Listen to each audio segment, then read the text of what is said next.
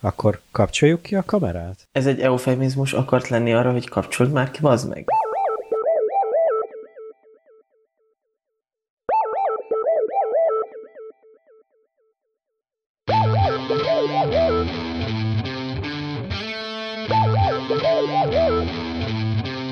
Megkezdődött a 22. labdarúgó világbajnokság Katarban, viszont ma nem erről fogunk beszélni. Katarktikus bejelentés. Így van, így van. Ennél a mikrofonnál Péter, a másiknál meg Gergő. Sziasztok. Ez pedig az Anut, vagyis a Nemuncsi Tesók 37. kiadása. Hát itt a háttérbe közben megy a Mexikó-Lengyelország mérkőzést, ezt elárulom itt a kulisszák mögül. Hát a bíró vezeti a mérkőzést, amú, am, amúgy 0-0 az állás. Hát úgy, akkor még nem történt semmi. Hát igen, még van 10 perc a meccsből, úgyhogy ja. Na de, na de tényleg nem erről, sőt, sőt egy merőben uh, teljesen más témáról fogunk beszélni, mint a labdarúgás. Bár ez is megérne egy misét, de szerintem azt majd legközelebb. Um, hát ugye itt elsütöttük a poént, vagy hát sikerült belesétálni abba a szóvicbe, hogy vágjunk bele és talán így most nem olyan vicces, hogyha, hogyha elmagyarázzuk, minden esetre mi nagyot kacagtunk ezen a, ezen a dolgon, hogy vágjunk bele. Hát két olyan témát hoztunk, ami, ami talán egy kicsit így összefügg, vagy talán nagyon összefügg, ezt majd mindenki vonja le a következtetéseket. Minden esetre hoztunk sorozatokat, illetve ezeket a sorozatokat átfogó közös nevezőt, amiről majd mindjárt picit bővebben beszélünk, illetve hoztunk egy filmet, ráadásul egy idei filmet, ami hát merő, merőben eltér az ilyen konvencionális filmektől. Nem tudom, ezt majd megerősíted a későbbiekben, vagy, vagy vitatkozol velem. Uh-huh. Na hát akkor szerintem kezdjük el és áruljuk el a hallgatóknak, akik megtalálhatnak minket ugye a YouTube csatornánkon, illetve mindenféle közösségi oldalon azt kell beütni, hogy a nem tesók, vagy egyszerűen anut, és akkor rögtön megtalálhatjátok a, az előző 36 részt, melybe mindig változatosabbnál változatosabb témákat hozunk, vagy valami közérdekű, köz... Hogy szoktad mondani? Közérzetű? Közérzetű témát hozunk, vagy pedig filmeket, vagy pedig mindenféle érdekesebb dolgokat próbálunk átbeszélni, úgyhogy iratkozzatok fel, kövessetek be, lájkoljatok be, mit tudom én még miket lehet csinálni. Ezeken és a... miket lehet, és mi ettől hatalmas pénzösszegekhez jutunk, és hajthatjuk a Lamborghini-nket és a ferrari -nkat. Úgyhogy légy szíves, minél hamarabb csináljátok ezt, hogy mi minél többet tudjunk ilyen autókkal furikázni. Oké. Okay. Na, ugye szoktuk volt hangoztatni elég sokszor ebbe a sorozatba, hogy óckodunk a, a nagyon felhájpolt dolgoktól, de van, amikor van, amikor kénytelenek vagyunk bele, bele-bele sétálni egy-egy ilyen dologba. Na így jártam én ezzel a Jeffrey Dahmer nevű volt sorozatgyilkosról, mert hogy ugye hát már nincs köztünk, és az ő életéről és munkásságáról készítettek nem olyan rég a Netflixre egy hát óriási sikerű sorozatot, és igazából ezt szeretnénk megoldani, vagy legalábbis mindenképpen beszélni róla, hogy hogy miért van ez a, ez a sorozat gyilkos kultusz az elmúlt jó néhány évben, mert hogy, mert hogy nem, ez a, nem ez az egyetlen ilyen sorozat, ami ezzel foglalkozik, és nem csak a Netflix foglalkozik ezzel, hanem akár mozifilmeken, akár akár sorozatokon, akár dokumentumfilmeken keresztül hát néhol-néhol ajnározzák ezeket a figurákat, vagy hát minden esetre ennél a Jeffrey Dahmernél mindenképpen egy ilyen, egy ilyen pozitív kép rajzolódik ki a hősünkről. Számomra tök érdekes, igen, ez a jelenség, de én először, amikor erre felemeltem a fejemet, az határozottan a Dexter című sorozat volt. Jaj, tényleg a Dexterről meg is feledkeztem. Mondjuk hozzáteszem, hogy ö, egy-két részt láttam csak belőle. Én, én meg ö, szégyen szemre azt kell, hogy mondjam, hogy egy részt sem láttam a Dexterből, csak annyian mesélték, és ö, én akkor jöttem ki szerintem a, a Hát a, igazából akkor jöttem ki a gimiből, és mentem egyetemre, amikor így, így az egyetemista ismerősök, haverok között ez így kezdték mondani, hogy hú, a Dexter, meg, meg hú, és, és, és talán, ha még, még a legélyen, legelső élményemet szeretném mondani a sorozatgyilkosos témában, akkor azt hiszem az egy japán manga vagy anime sorozat volt, aminek Death Note volt a címe. És ott is valahogy így ö, indul a sztori, hogy a srác kezébe akad egy ilyen halállistás map, ö, kis notesz, és akinek beleírja a nevét, az meghal. Uh-huh. És ö, elkezdi a srác teleírni gonosztevőkkel a füzetet, akik, menj, akik ugye meghalnak. És akkor a következő lépés ez már a Dexter volt, és nekem furcsa volt, hogy így ecsetelték és ajnározták az ismerősök, hogy de hogy ez azért jó, mert ő nem egy akármilyen sorozatgyilkos, mert ő csak gonoszokat öl, és igazából ezért nem is gyilkos, hanem gyakorlatilag ő egy, egy őrangyal, vagy egy jótevő. Ez... Uh, hát ugye komoly dilemmát uh, boncolgat az ember, hogy ha már szabad ezzel a képzavonnal élni, szerintem tele, lesz, tele leszünk a, a műsor során ilyenekkel ma már, az a, elsütjük ezeket a poénokat, a, főleg a kanibalista sorozatgyilkosoknál, hogy ha, tehát hogy, hogy, hogy, hogy van feléjük egyfajta rajongás, és akkor ide rángathatunk még akár politikát is, ha egy Hitler, vagy egy Stalin, vagy egy Mussolini nevű karakterről beszélünk. Most ha, ha te fogod és megölöd Hitlert, mielőtt még lemészáról mondjuk 400 ezer embert, vagy lemészáról tat, soha nem nyúl egyikhez sem, csak parancsokat ad ki, aminek hatására másokat ölnek meg. Ha megölöd Hitlert, te gyilkossá válsz, de ha ezzel megmented 400 ezer ember életét, akkor ugye visszacsatornázhatunk ide a Dexterhez, hogyha te egy jó tevő vagy, vagy hát te egy, egy vér elemző, vagy vérminta elemző rendőrségi nyomozó vagy, aki gonosztevőket öl meg, akik amúgy másokat ölnének meg, akkor most te jót teszel? Tehát ez egy ilyen e, erkölcsi, etikai, ö, morális ö, fronton meg lehet egy csomó módon támasztani, vagy támadni. Nem tudom, hogy, hogy hogy érdemes -e ebbe belemenni, vagy nem érdemes, csak hogy én először ezekkel találkoztam, és, és számomra igen, egy tök furcsa dolog volt, hogy de az meg akkor te egy sorozatgyilkosról nézel egy... Nem, mert nem úgy sorozatgyilkos, de tulajdonképpen sorozatban gyilkol, de nem úgy, mert hát, na, hát olyan embereket öl meg, akiket amúgy is jó meg kéne ölni, hogy akkor most ugye, ha jog szempontjából nézzük, akkor semmivel nem másabb, mint bármilyen más sorozatgyilkos, akkor sem, hogyha jókat öl meg. Rosszakat. Ö, rosszakat öl meg, igen, uh-huh. a jók érdekében. Hát igen, ez a hitleres hasonlat kicsit furcsa, mert hogy így a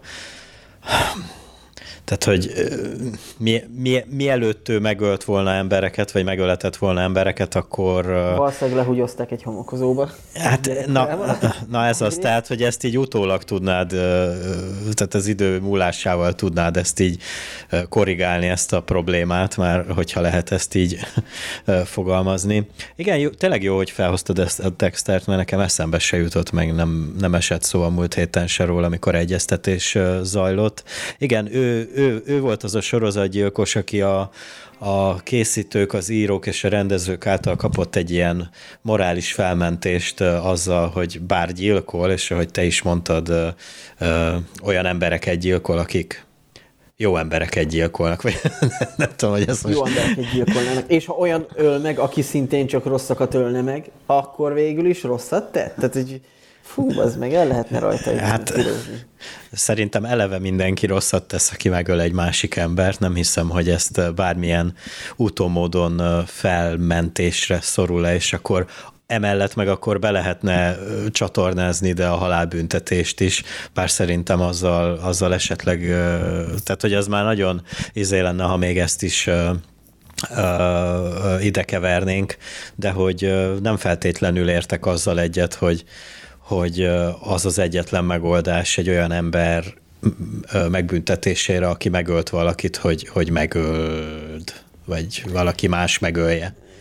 Igen, igen, ezzel is tudnék vitatkozni, pro és kontra, nem tudnék beleállni egyikbe sem igazán, de ha arra gondolsz, hogy valaki olyan brutál módon, ö, sorozatosan ö, másokban tá- kárt tett, és, és elvette az életüket, és sokszorosan rászolgál arra, hogy elítéljék, és gyakorlatilag életfogytiglant kap, most így, így sajnos nem vagyok ennyire jártas az igazságszolgáltatásban, hogy nem tudom, hogy van-e egy olyan szerepe ennek az egésznek, hogy ha már úgy is ö, életfogytig lant kap, vagy, vagy nagyon súlyos dolgokat követett el, akkor öljük meg, mert gyakorlatilag úgy is leterhelni az igazságszolgáltatás rendszerét, vagy hát az adófizetőknek fizetnie kéne, kellene utána, hogy évekig egy börtönben legyen, aminek sem értelme nincs, ugyanis nem érdemli meg, hogy börtönben legyen, mert hogy jó, csak, jó, csak, ezzel, jó, csak ezzel most azt mondod, hogy akkor, akkor uh, mi is váljunk ugyanolyan gyilkossá, mint ő. És ezzel, és ezzel kiegyenlítjük a, Igen, mert a dolgokat. Az egyébként meg a, a kontrája, meg ott van az egészben, hogy hogy mondjuk ki, és akkor tömegesen mondjuk ki, és el, feloldódik a felelősség, holott akkor talán mindenkinek ugyanakkor a felelőssége van ebbe az egészbe, csak olyan jól esik, mint amikor így közösen vagytok hülyék, és akkor jó, te is elbasztad, ja, én is elbasztam, és akkor röhögünk egyet. Valahogy ilyen az, amikor közösen kimondjuk arra, hogy hát akkor halálbüntetés, mert hát nem érdemli meg, hogy ilyen. Igazából szerintem nem, nem mi vagyunk azok, akik ezt, akik ezt el kell döntsék. Nem, nem is szeretném ezt eldönteni, viszont, viszont beszélgethetünk róla nagyon simán, és, és ennek a, ennek a halálbüntetés. Ja, de most tényleg erről beszélünk, nem a sorozatokról, de mindegy, így zár, zárásként akkor még csak annyit ide erre a témára, hogy, hogy tényleg innen így a számítógép mögül a mikrofon a pár centire a szánktól helyzetből, úgyhogy Úgyhogy mi sem követtünk el ilyet, meg a hozzátartozóink, közeli barátaink, távolabbi barátainkat sem ölte meg senki, így nagyon könnyű uh, ítéletet mondani, meg eldönteni, hogy mi lenne a helyes, viszont uh, fordított ja, nem es... magunkra értettem ezt, hanem úgy, úgy magára az Hát jó, jó, jó, én értem, csak, csak teljesen uh, könnyű mondjuk egy Arizonában uh, elkövetett gyilkosság uh, elkövetőjének a halálbüntetéséről beszélgetni, mikor, mikor több ezer kilométerre van, nem ismerjük, és, és mégis ö, ö, elmondjuk róla a véleményünket, de viszont, hogyha mi kerülnénk ilyen helyzetbe, akkor lehet, hogy teljesen másképp viselkednénk, vagy, vagy teljesen más véleményünk lenne. Mármint olyan helyzetben, hogy véletlenül hát mondjuk meg 17 embert Hát mondjuk meg... Jó, igen. Akikkel utána a szexuális örömökben részesítjük önmagunkat, és megesszük a szívüket? Hát Egész meg... véletlen volt. Bíró úr, kajakra, eskü. Nem akartam. Konkrétan nem erre gondoltam, hanem csak mondjuk egy gyilkosságra, de ja, igen, értem, értem a célzást. Na, Ja, akkor mi jött a Dexter után, illetve ez, ez akkor látszik tényleg ilyen régi dolog.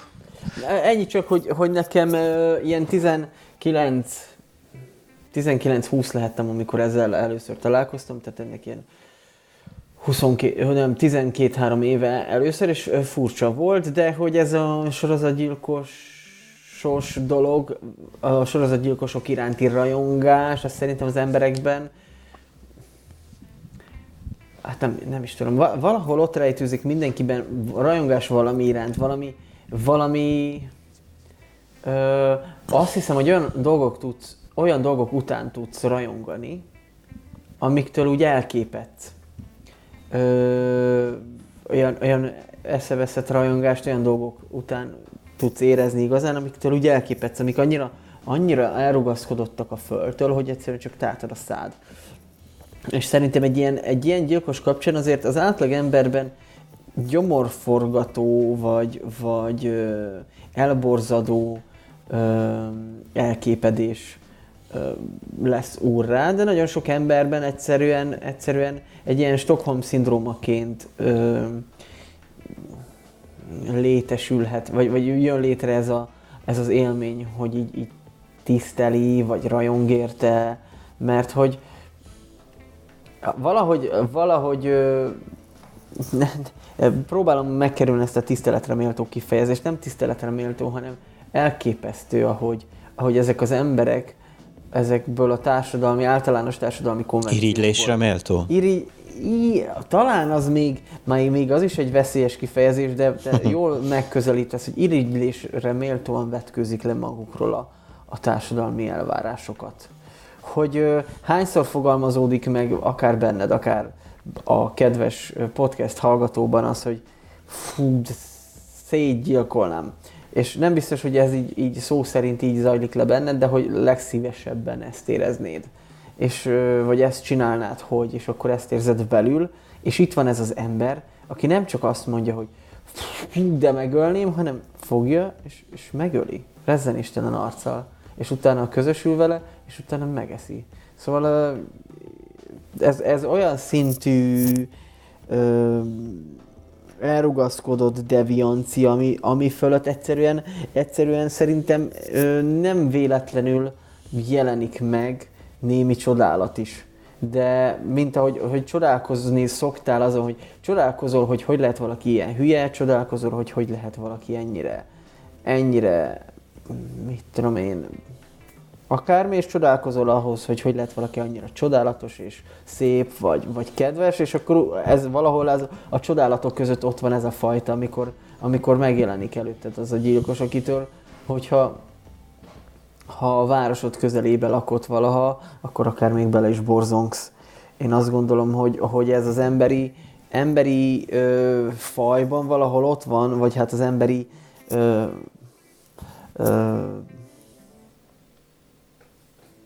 természetben ott vagy csodálkozunk, meg csodáljuk azokat az embereket, amely, akik olyan dolgokat tesznek meg, amelyeket mi nem merünk megtenni.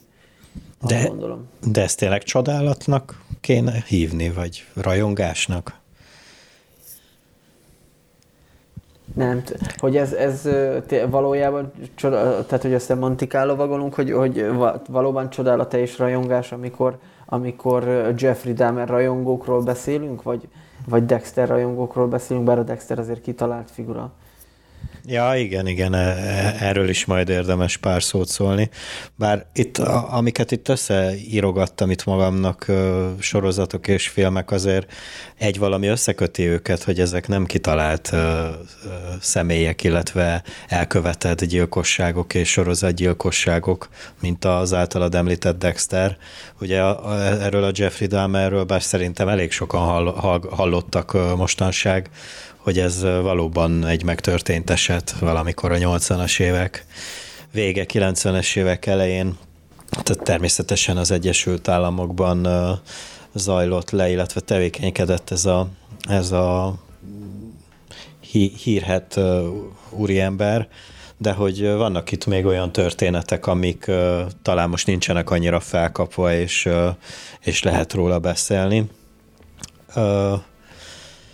Azon gondolkozom, Azt tudod, hogy ezeknek mondjad. a rajongásoknak a megjelenése, vagy széleskörű elterjedése, ez azért kicsit az internettel együtt is fejlődik, vagy, vagy én azt, azt gondolom, hogy az is lehet, hogy régebben aki erről hallott, és aki, aki tudott róla, levelet írt, neki bement esetleg hozzá a börtönbe, vagy nem bement hozzá, hanem valami más módon oldotta meg azt, hogy tudassa az illetővel, hogy én, én rajongásomat vagy tiszteletemet fejezem ki. Na ezzel viszont valahogy nagyon nem tudok azonosulni, mint ahogy a sorozatgyilkolással sem, tehát most félre ne értsenek a, a, a hallgatók, tehát hogy, hogy valahogy ezt ezt ugyanúgy nem tudom megérteni, vagy, vagy bármit is kezdeni ezzel, hogy, hogy, hogy elkapnak egy ilyen, mit mondtál, 17 elkövetett gyilkosság után. Hát igazából elkapják, mert tulajdonképpen valamilyen szinten feladja magát, meg mindent bevall, meg nem tagad semmit, és utána, és utána ilyen rajongói levelek százai érkeznek hozzá a, a börtönbe, tehát hogy ez, ez nem tudom, hogy mennyire ö...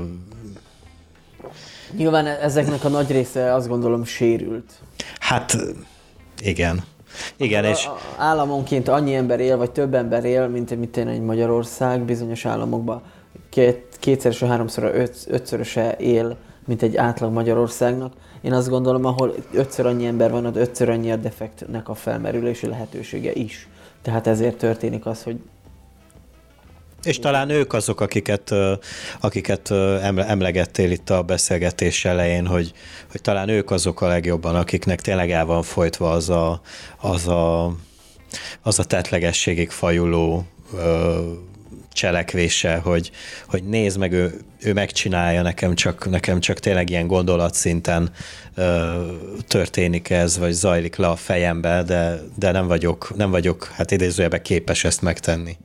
Igen, tehát hogy nem, mit tudom én, mondok egy példát, valahol mesélte egy tanárnő, hogy gyereket, ő volt itt a, a, az osztályon belül a tápláléklánc csúcsán, tehát, vagy nem tápláléklánc alján, tehát mindenki ő belé rugott, és mindenki az ő vérét szívta, meg mindenki őt, őt csesztette, és akkor hazament, elővette az ostort, és verte a tyúkokat a tyúkolba.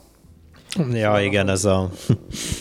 Valahogy ez így, így van, hogy a legtöbb emberben ez azért elfolytódik, nem, nem terjed ki, vagy nem mered másokon levezetni, vagy nem mersz magadért ott kiállni, és akkor van ez az élmény, hogy úristen, ez elkövette azt, amit én sosem mertem, már csak egy kávét kérek, és csodálom őt. Szóval ö, mm, furcsa, furcsa helyzeteket szül, és szerintem az, hogy erről egyre többet tudunk, és egyre szélesebb körben jut el mindenkihez, és mindenki más is megformálja erről a véleményét, hogy csodálja-e, vagy elborzad e fölött, ö, esetleg undort vált ki belőle, az azért az, azt gondolom, hogy az internet ö, terjedésével jött el hozzánk, hogy ilyeneket lehet látni, és az jutott még eszembe, hogy valahol egyszer réges-régen, még nagyon a, a gimnáziumi évek elején, közepén olvastam egy, egy cikket, és azt egy ember írta. Wow! Ja, bocs. Egy ember írta arról, hogy akkor én elkezdtem ilyen, hát ha nem is a dark web fele így fordulni, de az internet elég sötét bugyraiba eljutottam, tudod, ilyen újdonsült internet felhasználóként, és ott írta valaki, hogy ilyen ilyen pszichopaták voltak ezek, tehát hogy az egyikük vezette a blogot, de arról szólt, hogy egymást szivatták ö, valami hülyeséggel. Jackass? Akkor, Bocs. Hát olyan jellegű volt, csak nagyon durva. És úgy sült el a végén, hogy az egyikük meghalt. Tehát, hogy uh-huh. kihívta a másikat, hogy gyere majd ide és ide ki, és mire kiment, ott találta egy, egy villanypózna alján rommásülve. Ö, nyilván nagyon verte a, a, a magas feszültség, mert emennek próbált valami csapdát állítani. Tehát, hogy odáig eljutottak, hogy ez csinált egy csínyt, a másik megbosszulta, akkor ez visszabosszulta, és egyre el, jobban eldurvult. Ez egy hosszú cikk volt, és akkor sokat mindent leírtak benne. Csak az, hogy, hogy ilyenek nem derültek ki régebben. Ezek így lezajlottak, csak hogy így fejlődik a kommunikáció, az internet, uh-huh. sávszélesség, az, hogy megjelennek ilyen streamer szolgáltatók, és aztán végül sorozatot, tehát drága pénzen több részes sorozatot forgatnak abból, hogy aztán milliók nézhessék, hogy aztán a TikTokon az első hónapban mondjuk 6 milliárd uh, hashtag uh-huh. jelenjen meg Jeffrey Dahmerrel kapcsolatban. Ez azért elképesztő, de mégis valahogy az emberiségről ad egy korképet, nem? Tehát, hogy, hogy igen, igen, hogy, igen. hogy ilyen, fú, úristen, hát ez mennyire deviáns. Valóban deviáns, ha egy hónapon belül 6 milliárd hashtag keletkezik ennek kapcsán? Várjál, várjál, most nem értem, most mi a deviáns? Hát az, hogy, hogy tényleg deviancia, ezek, az, ezek után az emberek után rajongani, vagy ez valahogy az emberiségnek a velejárója, hogy, hogy megvan bennünk ez az ösztön, és csodáljuk, hogyha valaki ezt nem folytja el. Hát szerintem nem egészséges rajongani ezekért az emberekért, tehát most félre ne, félre ne érts, vagy félre ne értsenek a hallgatók, tehát én is nagyon szeretem az olyan sorozatokat, filmeket, amiknek ilyen tematikái vannak. Én, én, én az, azzal az egyel nem tudok azonosulni, hogy mikor azt hallom most ezután a nagy sikerű sorozat után, hogy, hogy a jelmezbába Jeffrey Dahmernek öltözünk be, mert hogy az most nagyon Ez menő. nagyon izé fail, tehát...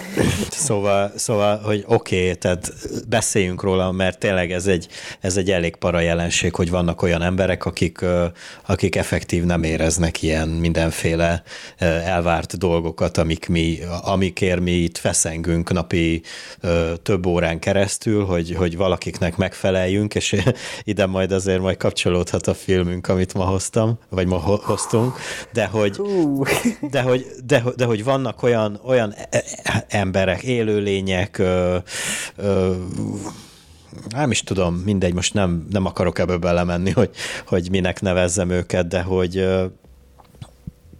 tehát ez betegesnek tartom, hogy ezt ennyire felfuttassuk, hogy aztán ilyen példakép, meg ilyen ö, ö, mindenféle izé legyen ebből a, ebből a Jeffrey Dahmerből, vagy a hasonló szörű kollégáival. Igen, gondolj bele, hogy van egy szolgáltató, mint Netflix. Lef- oké, okay, leforgat egy ilyen sorozatot. Jó, ez is oké, okay, megtörtént, vigyük az emberek elé. Emögé azért csak kell egy marketing gépezet. Vágod? És, és itt, itt szerint én bennem azért már hogy megmozdul egy ilyen, ilyen, ilyen ö, ö, mérőeszköz, ami így jelzi, hogy most ez mennyire morális, tehát egy ilyen mor- morális mérőeszköz, egy icipicit így kilend, kilendül, vagy kileng, hogy uh-huh. ö, van egy sorozatgyilkos, csinálunk belőle egy sorozatot, érdekünk, hogy minél többen nézzék, esetleg ez újabb bevételeket generáljon, újabb ö, előfizetők kapcsán, mert ő mondjuk úgy döntött, hogy eddig soha nem fizetett elő Netflixre, de most, hogy a Jeffrey Dahmerről csináltak egy sorozatot, úristen, hát ez engem érdekel, és akkor előfizetek a Netflixre. Ez, ha 3490 forintos haviáron nézzük, hogyha erre 1000 ember fizet elő, akkor az már rögtön 3,5 millió forint bevétel ezer ember kapcsán, tehát és akkor emögé az, hogy hirdessünk egy ilyen sorozatot, amelyet egy sorozatgyilkosról ö, forgattunk le, minél többen nézzék, hát... Na most ezzel az az egy problémám van, hogy egyrészt nem feltétlenül hiszem azt, hogy de most saját magamból indulok ki, aztán majd mondd el te is a véleményed, hogy egy, egy, egy sorozatért ö, szoktak előfizetni ilyen szolgáltatásért? Én, egy, én például a, a Csernobilért előfizettem. Na jó. A, az HBO-ra. Jó, jó, okay. És aztán lemondtam. Mint ahogy ö, volt olyan időszak, hogy előfizettem mondjuk ö, ingyenes verziójára a Spotify-nak, majd fizettem két hónapig, és aztán lemondtam. Uh-huh. Ö, a, másik, a, a másik dolog azzal kapcsolatban, amit most mondtál, hogy, hogy ez mondjuk élne, vagy valid lenne, amit mondtál, hogyha ez lenne az első sorozatgyilkosos sorozat a Netflixen, pedig Pont, De hogy... most nem ez, hogy ez az első, hanem bármely, bármilyenkor felmerülő sorozatgyilkos kapcsán legyártott sztori alapján azért mindegyik mögé egy marketing gépezetet kell berakni, és hogy vajon akkor menjünk le ennyire messzire, a, vagy menjünk el ennyire rohadtul messzire, hogy van-e amögött felelőssége bárkinek is, hogyha egy népszerű sorozatgyilkost világszinten szétterjesztjük a hírét és a tetteit, ennek kapcsán más, esetleg hasonló defektusokkal rendelkező emberek kedvet kapnak arra, hogy leutánozzák, vagy esetleg, ha nem is leutánozzák, akkor kreatív módon egy sajátos ö, ö, módszerrel, egy teljesen új módon próbálják meg embertársaikra. Ö, na érted, mit akarok mondani? Igen, csak... Van-e mögött esetleg bárkinek felelősség? Hát elsősorban az elkövetőnek van felelőssége, Nyilván. mert hogy ő elköveti ezeket, és volt erről szó 30-40 évvel ezelőtt, tehát hogy akinek e felé van ilyen gusztusa, hogy ezeket kövesse, az már megkapta ezt az inputot, csak hogy most előszedjük, és akkor megint csinálunk belőle egy ilyen uh, hát ahogy te mondtad, egy ilyen marketingelt arcot. Amúgy még azt, nem tudom, hogy ezt hallottad, de azt a sztorit, hogy ugye azt kell tudni erről a Jeffrey Dahmerről, hogy ő ugye meleg volt, illetve az áldozatai is mind melegek voltak. Mármint férfiak, ezt is azért tisztázzuk. És hogy az LMBTQ az így igen, igen, jelezte. Jel... Az LMBTQ jelet. Tehát ők így jelezték, hogy ők ebből így most így nem, nem szeretnének nagyon kérni, mert hogy rossz fénybe tünteti fel a, a, az ő kis mozgalmukat, bár... De nem arra, tehát hogy azért nonsens az egész, mert eleve minek LMBTQ-s kategória, másrészt meg... Hát az elkövető, meg az, el, az áldozatok is Igen, ugyanabba a csoportban voltak, úgyhogy, illetve az áldozatok többen voltak már, hogyha így tényleg ezen lovagolunk, tehát na jó, mindegy, nem Igen, lesz. tehát hogy, hogy ö... szóval az, hogy, hogyha ele, ő, ő melegként heteroszexuálisokat mészárolt volna le direkt amiatt, mert, mert ő ezt nem tartja szimpatikus dolognak, akkor oké, okay, megértem, hogy, hogy az LMBTQ levetette, bár akkor is ez az igazság, de mondjuk akkor levetetni, de az, hogy egyébként egy meleg férfi meleg férfiakat gyilkol, na, ez, ez, a, ez volt a valóság. Kész. Pont. És az, hogy most akkor, akkor na. Hülyeség na, úgy, ahogy van. Igen. Beszéljünk még a Dámeren kívül azokról a dolgokról, amik erről még itt uh, megegyezkedtünk. Ugye említetted, bedobtad a közösbe az Zodiákust uh. című filmet. Igen, igen, igen. Ö, azt jó régen láttam azt a filmet, de azt hiszem kétszer vagy háromszor is megnéztem. Nekem nagyon tetszett. Ö, azt hiszem egy ismerősöm úgy fogalmazta meg ezt az Zodiákust, hogy az egy nagyon jó rendező, nagyon rossz filmje. Ö, csak azért, mert valaminek nincs egy olyan, olyan patika mérlegen kimért, precíz, gramra pontosan beállított ö, hogy egy katartikus vége, attól még nem jelenti azt, hogy az a film rossz. Én nekem nagyon tetszett, bár akkor már, már e, ezt is akkor megbeszélhetnénk, hogy miért, hogy tetszett egy film, ami, amiben embereket öltek le. Ö, nagyon érdekes, hogy a mai napig nem került elő az az illető, és ö,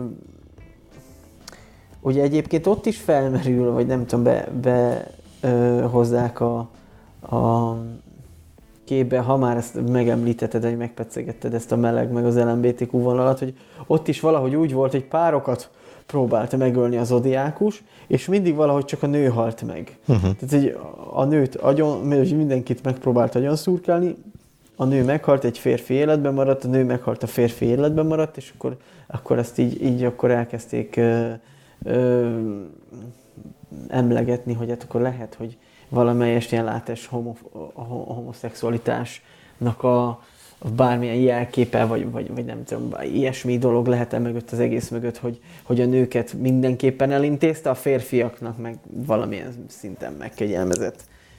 Uh, igen. Ugye ez egy David Fincher film, és uh, nekem nem tartozik, a, amúgy a rendezőt a, a szerettem, illetve a filmjeit, de ez, ez a filmje azért nem nagyon lopta be a szívembe magát, és nem olyan rég beszélgettünk a, a rendezőnek a filmjeiről és a munkásságáról, és körülbelül az a Hát az a megoldás született, hogy azért népszerűtlenebb talán a, ez a filmje, mert uh, ahogy te is mondtad, hogy nincs, nincs feloldozás a végén, de talán pont ez adja meg a, a hitelességét a történetnek, ha már feldolgozol egy olyan uh, történetet, ami valóban megtörtént, és valóban nem, uh, nem sikerült megoldani ezt a történetet, akkor, akkor nem feltétlenül kell meghamisítani ezeket a dolgokat, és lehet, hogy, lehet, hogy ezért, vagy nem, hogy lehet, hanem biztos ezért hiteles ez a történet. Csak számomra az az érdekes, hogy ezt így objektíven felfogni, hogy miért nem lehet, ugyanis ugye a David Fincher munkáját, vagy munkásságát kezdjük el firtatni, és megnézzük a filmét, azért elképesztő jó filmek, elképesztő jó fordulatokkal, korszerű volt mindig, és meg tudott újolni, amikor kellett. Tehát, hogyha egy ilyen nagy tudású rendezőről beszélünk, akkor talán az nem véletlen, hogy egy ilyen ilyen esetlen semmilyen véget kapott a film, mert egyszerűen ez a valóság, uh-huh. esetlen és semmilyen, nagyon sokszor. Szóval én azt gondolom, hogy, hogy amellett, hogy, hogy népszerűtlen, én, én akkor, akkor itt ezzel esetben szintén tudnék az ördögügyvédje lenni, mert én nekem ez a film kifejezetten tetszett. Uh-huh. Nem javaslom senkinek, hogy megnézze, mert fú, hát bennem ilyen borzasztó, ilyen hidegrázós élmény például az az első gyilkosság, amikor ott megjelenik a csávó is. Vagy nem is az első, hanem talán a második, amikor a tóparton egy üldögélő pár uh-huh.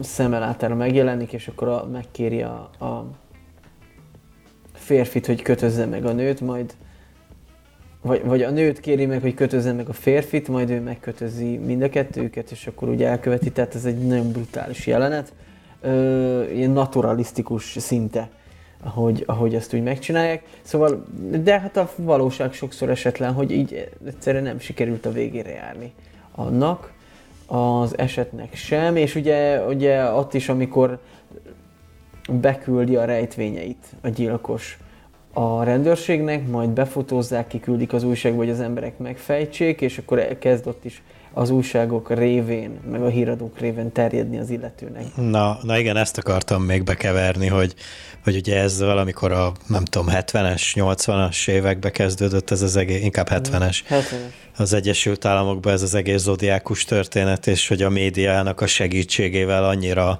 annyira híres és hát már-már irigyelt szereplője lett ez a, a médiának, illetve a hétköznapoknak, hogy, hogy ugye, ahogy mondtad, hogy nem, mai napig nem oldották meg ezt a, ezt a bűntényt, vagy ezt a, ezt a sorozatgyilkos kultuszt, vagy ö, ö,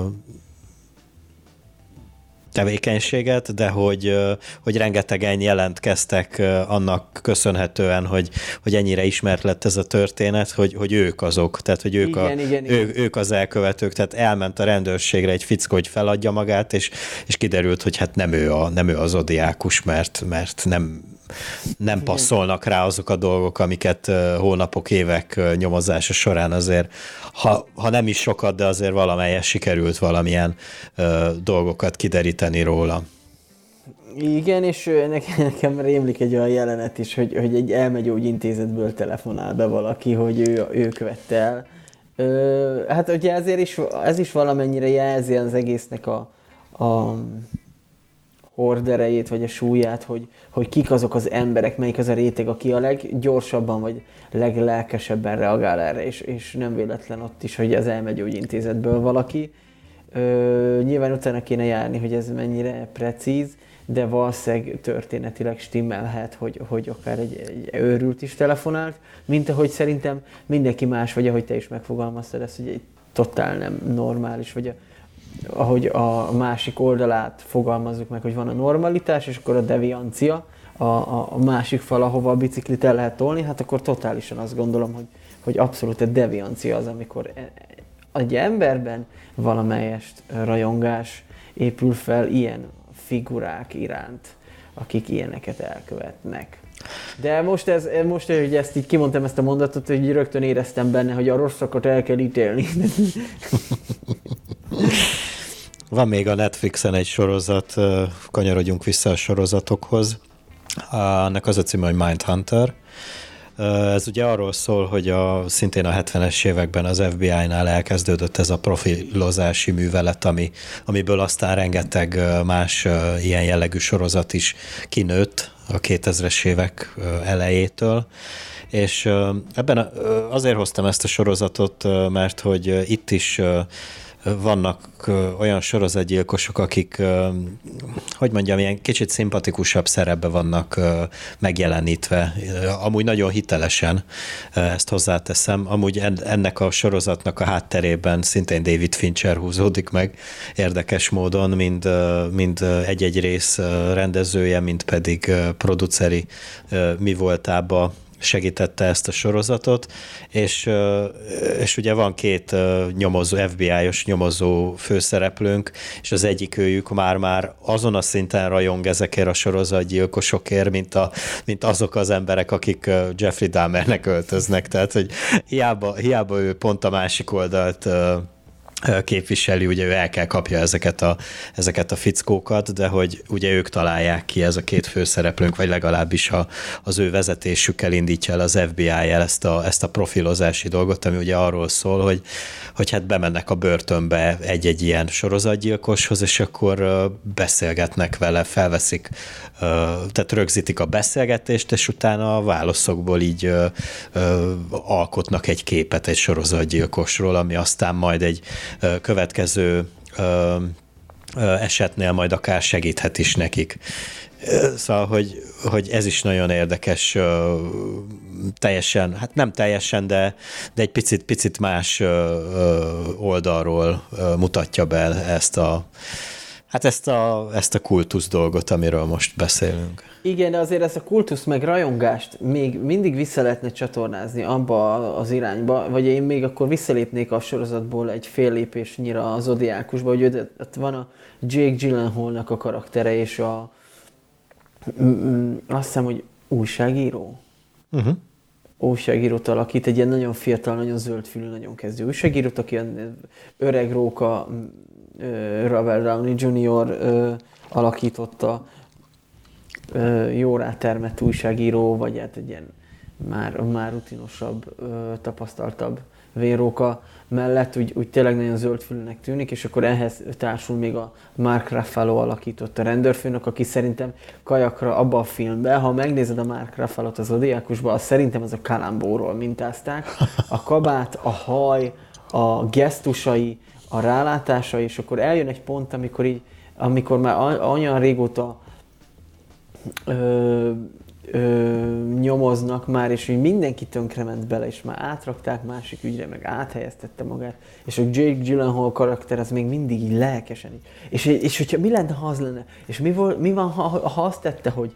És, és így, így folyamatosan egyszerűen nem bír leállni. Tehát az, azt a rajongást, amit ezt a Mindhunter kapcsán mondtál, azt szerintem ugyanazt hozza ez a Jake Gyllenhaal karakter a, a Zodiákusban, hogy mindig van egy ilyen bugris, vagy egy ilyen fiatalabb, aki... Jó, de, jó, de, azért, jó, de azért húzzunk egy ilyen erős vonalat, egy, jó, hát ott... egy újságíró, meg egy, meg egy FBI nyomozó között, tehát, illetve, illetve nem is tudom, hogy a Gyllenhaal karakter, ő, ő inkább meg akarja oldani a dolgot, igen, nem? Igen, igen, de mégis valahogy nagyon óvatosan lavírozik. A, nem egészséges módon, úgy érzed? Talán nem egészséges módon, és meg ott a nyomozás kapcsán is felmerül, hogy te nem ez bazd meg, és akkor mondták, hogy hát ez egy kis cserkész, de hogy, hogy azért annyira lelkesen nyomja, meg annyira képbe van.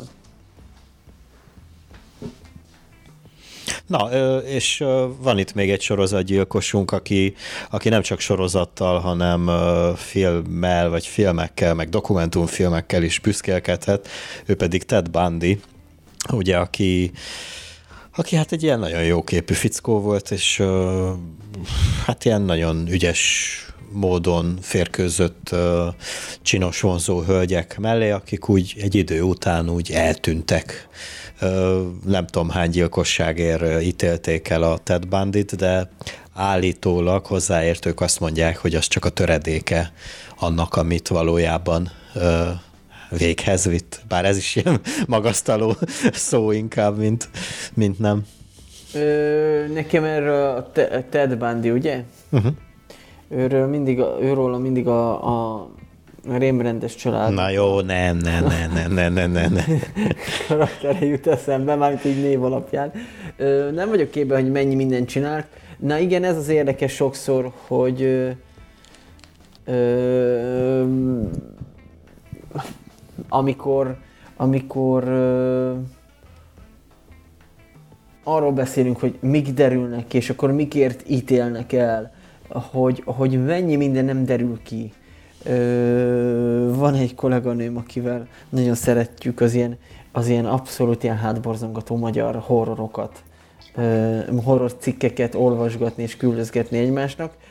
Tudod, ezek mind ilyen, ilyen főleg itt Szeged környékén így elképesztő egyébként, hogy, hogy, hogyha így visszanézel a 60-as, 70-es, 80-as évekre, hogy milyen horrorisztikus sorozatgyilkosságok előfordultak itt Szeged környékén, így tanyákon, meg nem tudom én hol. Meg ugye Magyarországon is volt az az Mart Fűrém néven elhíresült valaki, hogy ö, küldözgetjük egymásnak és olvasgatjuk ezeket a cikkeket, de hogy ezek kiderülnek, ezekért elítélték az illetőket, és hogy mennyi minden nem derül ki. Tehát ez az, el, amit mondasz, hogy a Ted Bundy is, hogy amikért elítélték, de hogy mennyi minden volt még emögött, amit, amit nem is tudunk. Tehát ez elképesztő durva, hogy, hogy ezek, ezek, ezek így vannak, ezek így léteznek. Igen. Uh, illetve van itt még valami, de ezt te ajánlottad, és uh, te tudod a háttértörténetet, hogy ez miről is szól ez a Children of Bodom. Ez mi is akar lenni? Uh, uh, uh. A Bodom, Bodom tói gyilkosságok, ez... Uh, mindjárt mondom neked. Uh,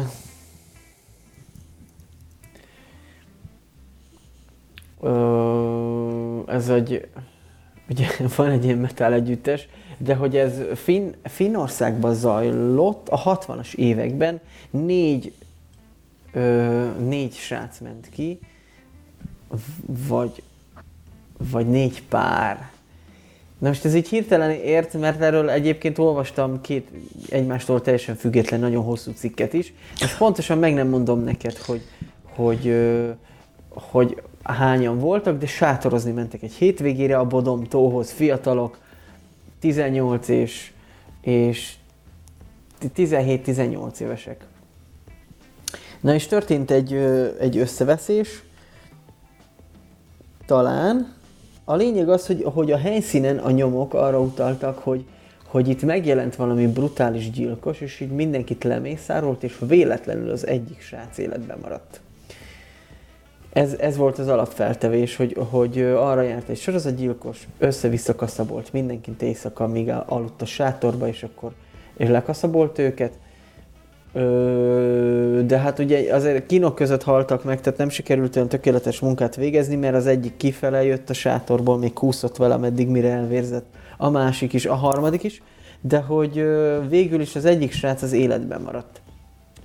És elkezdtek nyomozni, ugye a nyomok, rengeteg nyom volt a, a, a sátor körül, rengeteg ö, idegen kezűségre utaló dolog, de végül is valahogy a, a, a részletekbe menő nyomozás véget, ugye azt is felkapta a média, az újságok, valahogy abba az irányba került, hogy, hogy egyszerűen sehova nem vezettek a nyomok, de ami nyom volt, az viszont afelé a srác felé vezettek, aki életbe maradt. Hmm. És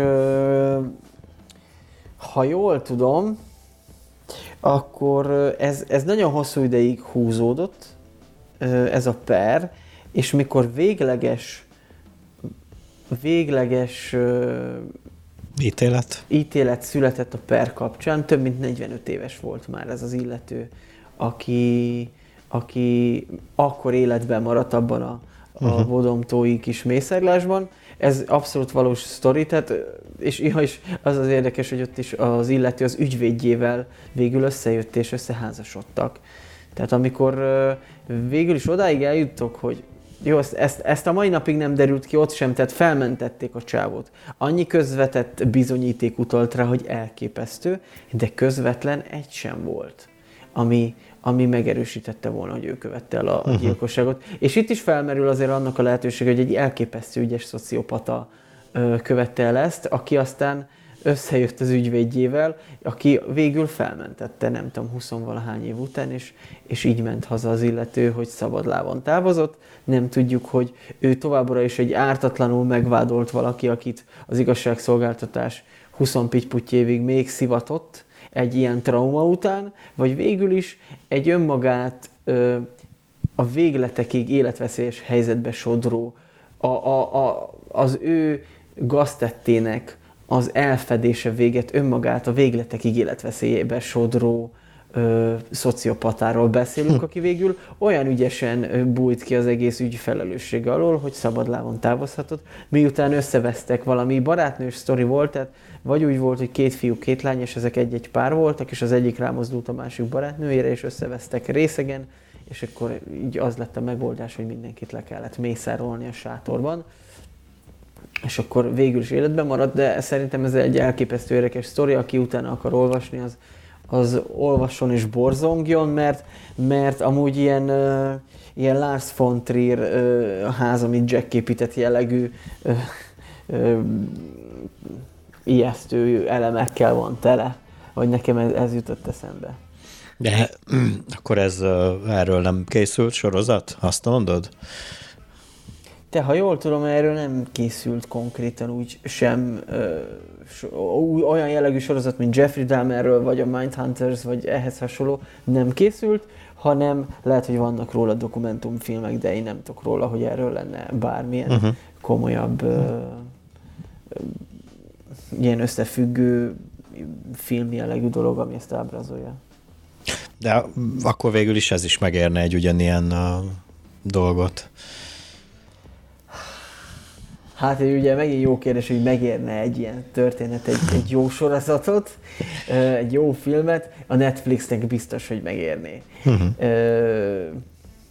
Talán ugye azért, azért mégiscsak fontosabb az a része, mint ahogy egy csomó minden mással kapcsolatban is az életben felmerül lesz, hogy melyik a jobb, ha demonizáljuk, és meg sem történik, és fogalmunk sincs mi az, és elzárkózunk, vagy a részletekbe menőkig megtudjuk az információkat róla, és akkor ennek függvényében alkotunk véleményt, meg álláspontokat, hogy akkor ezt használjuk, vagy nem használjuk, hogy ezt ö, az ügy leg, legrészlet, legnagyobb részletességéig kitárgyaljuk, hogy ezzel képbe legyünk, talán nem baj.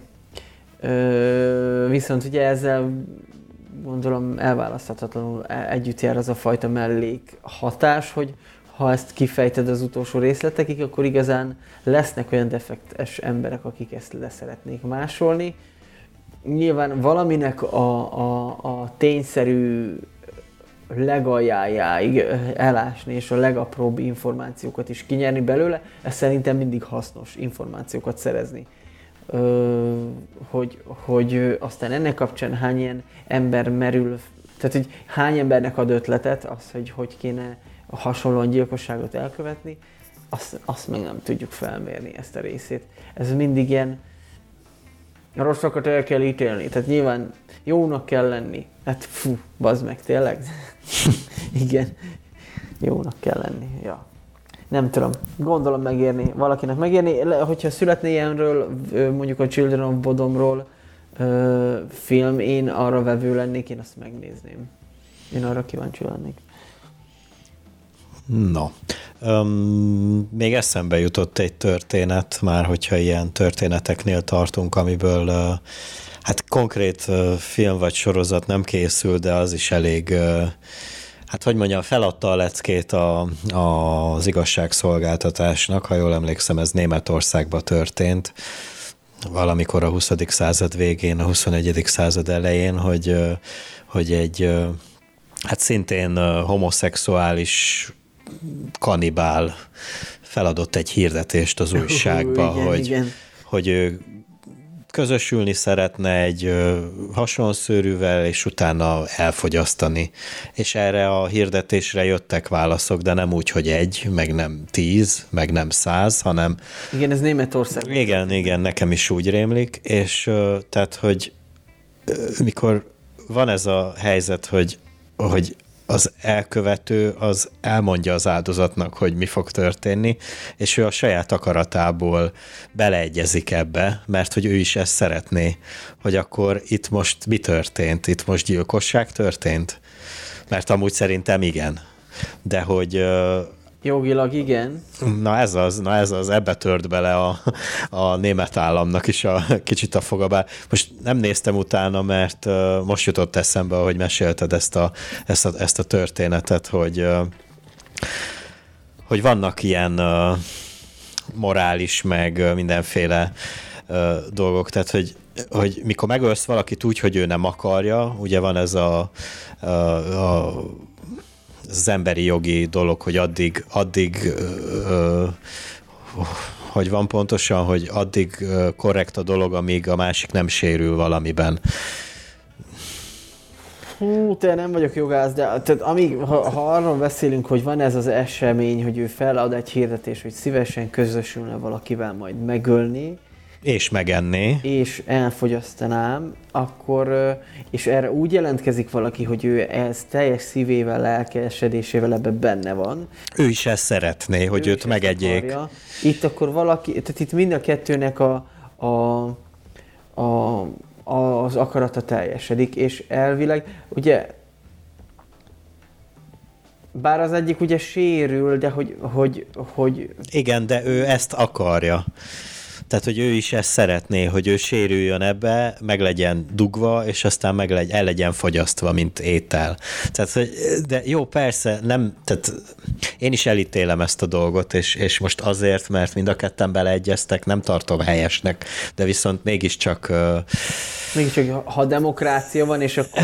Ö, ö, az, hogy fontos, a, a, fontos az, hogy az egyén nek lehetőségei legyenek dolgokra, amit aztán meg is élhet. Itt azért ez kimerül teljes mértékben mind a két félben. Igen. Eltoltuk a legextrémebb potmétert, azt így kicsavartuk, és eltoltuk a... És ott hagytuk a picsába. Az, az ak- igen, akadásig. Csak hogy, hogy ö, nyilván ez a jog kereteit sértette. Uh-huh. Hm. Na mindegy, nézetek ti is hallgatók utána ennek a sztorinak, vagy bármelyiknek, amelyikről itt szó esett. Nem tudom, hogy van-e még gondolatod, vagy van-e tanulsága ennek az egész dolognak. Hát a, a tanulság az, hogy nem szabad térdigérő szélben pudingot reszelni, azt gondolom. De ez nem igaz. nem, nem, nem erre számítottam.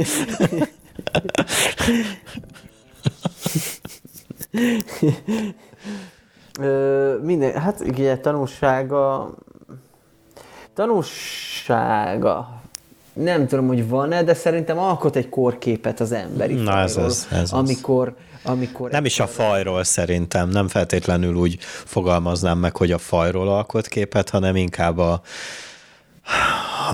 a mostani emberiségnek a mentális Ja, mentális pillanatnyi mentális állapotáról. Higiéniájáról, vagy igen. És akkor jöjjön az a film, amit mára hoztunk. Ez egy idei film, az a címe, az eredeti címe Speak No Evil, a magyar, magyar fordításra a látogatás címet kapta, bár ebből van egy csomó film, úgyhogy... Igen, és emlékszel, hogy én is ajánlottam neked a látogatás című The Visit én két kisgyerek elmegy a, a nagyszüleihez. Akik ja, az a Shalamayan film? Igen, igen, igen. Ami, igen, igen. ami ilyen, ilyen, hát ilyen bizonyos körülményei viccesek, bizonyos körülményei meg undorítóak.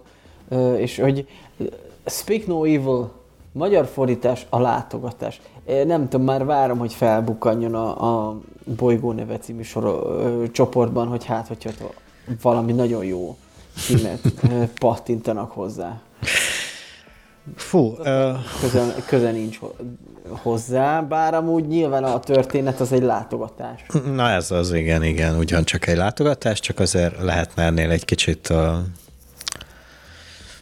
kreatívabb. Kre... Hát nem, nem, nem, nem. Nem, uh, amúgy, amúgy egy rettenetes filmről fogunk beszélni, tehát egy, egy szemétfilmről beszélünk. Uh, hát nem mindenkinek fog tetszeni, aki most majd ezután megnézi, vagy ezelőtt megnézni, mert most így gyorsan áruljuk el, hogy spoilerezni fogunk. Tehát aki... Aki, aki kíváncsi rá, az előbb nézze meg, és aztán kapcsolja vissza a Nem úgy 37. részének a második felét. Hogy is fogalmaztad az előbb, hogy borzalmas? Szemét, szemétláda a film, rettenetes, amit a, a, a rendezőnk ott, ott, ott összetákolt ilyen 90 percbe. Miért?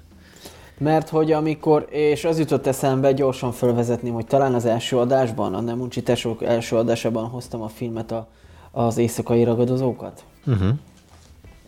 Nagyon rokonnak érzem azzal a filmmel kapcsolatban, a filmnek a, az egyik nagyon fontos motivumát rokoníthatónak érzem ezzel. Na, erre nagyon kíváncsi vagyok, mert pont ez a film nem jutott eszembe.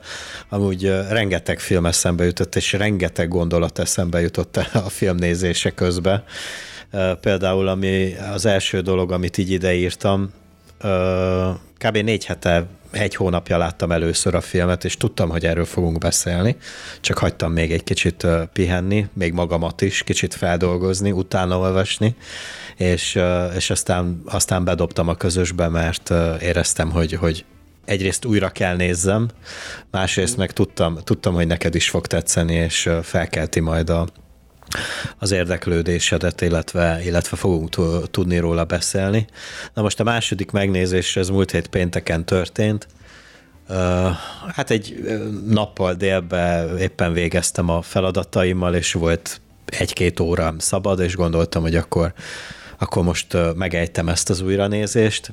És eszembe jutott egy, egy David Lynch film, mégpedig annak is a, egy jelenete, ami, ami, ami nagyon belevésődött az én kis agyamba, mégpedig a Mulholland Drive című filmjéből, Nekem, nekem az a jelenet maradt meg a legjobban a filmből, bár nem ez a leghíresebb jelenete, és pár hete beszélgettünk az álomról, illetve szakszerűtlenül próbáltuk fejtegetni a, az álmok jelentőségét, és itt is egy álomról van szó. Gyorsan el, elmesélem, bár, bár keresetek rá, amúgy meg lehet találni YouTube-on csak ezt a részt, de amúgy a filmet is nézzétek meg. Ez egy 2001-es film, és van benne egy jelenet, egy ilyen Wendy's nevű kávézóban, kajádába ül két férfi, két öltönyös férfi, és az egyik el, elmondja, hogy mesél a, a, egy álmáról, de viszont ez, ez még nem tehát ennek még nincs semmilyen súlya, viszont, viszont olyan, olyan arcot vág a fickó közben, miközben meséli a, a, az álmát, hogy, hogy az valami hihetetlen. Szóval röviden arról azt meséli el, hogy azt álmodta, hogy ugyanitt ültünk, azért, azért ülünk itt, mert hogy az álmomba is itt ültünk egymással szembe, és aztán uh, látott egy embert ott az épület mögött, ott a, a kajáda mögötti épület uh, mögött, és akkor mondja a másik fickó, hogy jó, hát akkor menjünk, és akkor nézzük meg, és biztos, hogy nem lesz ott. És mennek, és ott van. És, és és pont ez jutott eszembe így a film, főleg a második megnézése után, hogy, hogy ugye mindig arra vagyunk szocializálódva, ami szóba esett az előző témánál is, hogy úgyis lesz megfejtés, úgyis jó lesz a vége. Biztos valami rossz lesz ott, de amikor oda megyünk, akkor, akkor, akkor minden megoldódik, és minden jóra fordul. Na ebbe a filmbe kurvára nincs minden rendben. Ú, és így, és így benne, benne tehát a, a, az első párbeszédtől, az első képkockától lehet, jó, persze, mondom még egyszer, muszáj újra nézni. És mikor másodjára nézed, már az első képkocka elárulja az egész történetnek Igen. a lényegét, Igen. és ettől vertem a fejem a, vertem a fejem az asztal szélébe, hogy baszki, de hát jó, első megnézésre nem, nem tudod. És ahogy telik minden másodperc után, tudod, hogy itt valami lesz. És mind, mind, mindig jönnek azok a jelek, hogy jaj, nem itt minden rendben van, hát mind, minden oké okay lesz, csinálj csináljuk megint jól, és akkor... Folyamatosan, de nem. guztustalanul, undorító módon azokkal az érzékeiddel játszik, amiket aztán ki akar égetni belőled, és, és ellened fordítani minden egyes másodpercben. Erre nekem több szempontból is egy, ez egy, egy nagyon érdekes film. Öm, Hát most minden alkalommal elmondani, hogy meg bekerül a top 3-ba, lassan top 20-as lista nem lesz elég, de az, hogy ö, ö, olyan, érde, olyan szempontból is érdekes volt, hogy ugye amit átküldtél, egyik feliratot sem bírtam hozzáidőzíteni sehogy se a filmhez, ezért vettem egy nagy levegőt, és kibasztam a feliratot a filmből, és végignéztem az eredeti nyelven, angolul, meg a feli, azokkal a feliratokkal, amik ebbe voltak benne, és gyakorlatilag úgy értelmeztem, hogy a, a, a film során két szó volt, amit nem értettem az egészből. Uh-huh. Tehát, de az nem azt jelenti, hogy ennyire kurva jó angolos vagyok, nem vagyok jó angolos, hanem inkább az, hogy ennyire egyszerű nyelvezete volt a filmnek, és mivel az eredetileg finn és holland. Dán. Dán és holland, ugye? Uh-huh. Ö, nyelveken megy még a kommunikáció, ezeket nagyon egyszerűen feliratozzák a filmben. Uh-huh. Na és ilyen szempontból is tök érdekes volt, hogy végre egy olyan film volt, hogy nem villogott sehol valami kurva felirat, hanem mivel eleve az anyanyelvük nem angol volt, és nem hadartak, és nem ilyen elcseszett ö, módon próbálták lesporolni a máshol hangzó torlódásokat így a az adott szavakon, ezért gyakorlatilag mindent lehetett érteni, nagyon szépen, és, és, és még mielőtt belemerülnénk nagyon a film elemzésbe, az operatőri munka az meg. Az, az valami elképesztő. Eleve, hogy valami anaform, anamorfikus lencsével vették fel széles vásznú mozira, hogy minden egyes képkocka gyönyörűen megkomponálva, a színek, a fókusz a helyén van, a, a kompozíció elképesztő jó, és az első képkockán, vagy az első jelenetnél már tudod, hogy mi, ha, ha már másodjára visszanéznéd, illetve ha figyelmesen nézed a filmet, akkor, akkor azonnal tudod, hogy bazd meg, ezt már az első jelenetben elsütötték. Az, hogy amikor megállnak az első más, másfél percnél először meglátod azt a Volvo-t, azt a régi Volvo-t, és kiszállnak belőle. Amikor az első ö, interakció megjelenik a filmben, ahogy ezek egymással ö, kontaktba lépnek. És ezekhez, ezek mögé az operatőri munka, hát az valami fenomenális. Tehát így én, én mint, mint fotóval dilettánsan foglalkozó béna ember, tehát hogy így, így el vagyok, hogy így, ja, néha fotózgatom, így, így igyekszem a legjobbat megtenni, amit egy gépből ki lehet hozni, de az meg, amit ebbe a filmbe lehoznak, úgy, hogy ez egy mozgóképi valami, és hogy gyakorlatilag minimálból dolgoznak, tehát tényleg minden sztori, vagy minden egyes jelenet, minden egyes nit ilyen kurva low budgetből is össze lehetne hozni, és hogy, hogy elképesztő gyönyörűen figyelnek, hogy minden a tökéletesség, minden az aranymetszésbe legyen, és hogy minden gyönyörű szép színekkel legyen, és, és fú, ehhez képest, hogy, hogy milyen gusztustalan undorító módon ú, de leírhatatlan, leírhatatlan élmények kavarognak a, az emberbe. Én olyan ocsortány rosszat álmodtam ezután, a film után, hogy így egész éjszaka alig bírtam aludni, meg forgolódtam, hogy napokig hatása alatt voltam, de olyan szinten, hogy még meg sem néztem, hogy ki a tököm rendezte. Tudom, hogy, hogy olyan tough drop, vagy, vagy tough drop, vagy hogy nem... Tough drop inkább, hát mert azt hiszem, hogy Dán az illető, bár annyira nem ástam bele magam, de Igen, de, de igen. Hogy, hogy, hogy, ki a rendező, hogy, hogy hogy miért rendezte, milyen munkásságai. Na, na igen, ez fontos kérdés. Ezeket nem tudom aha, már, aha. ebbe vele sem mentem, olyan szinten lelőtt, maga, a, a, lelőtt az életről ez a film. Hát annyi, annyival vagyok bejebb a, a rendezőről kapcsolatban, hogy utána néztem a korábbi filmére, mert felkeltett a kíváncsiságomat mindenképpen. Ha, ha már a kompozíciókról van szó, akkor a, szerintem a másik nagyon fontos dolog az a zene, mert hogy... Ú, basszus, igen, igen. Tehát, hogy, hogy nem egy ilyen monumentális Hans Zimmeres dologra kell asszociálni, hanem ez a, ez a horrorfilmekben, vagy a thrillerekben igen csak jól működő, ilyen, ilyen bőr alá bebújó, zsigerekig ható ö, ö, zenei kompozíciók vannak ebbe a filmbe. Amúgy egy kritikába találtam egy meghatározást a film ö,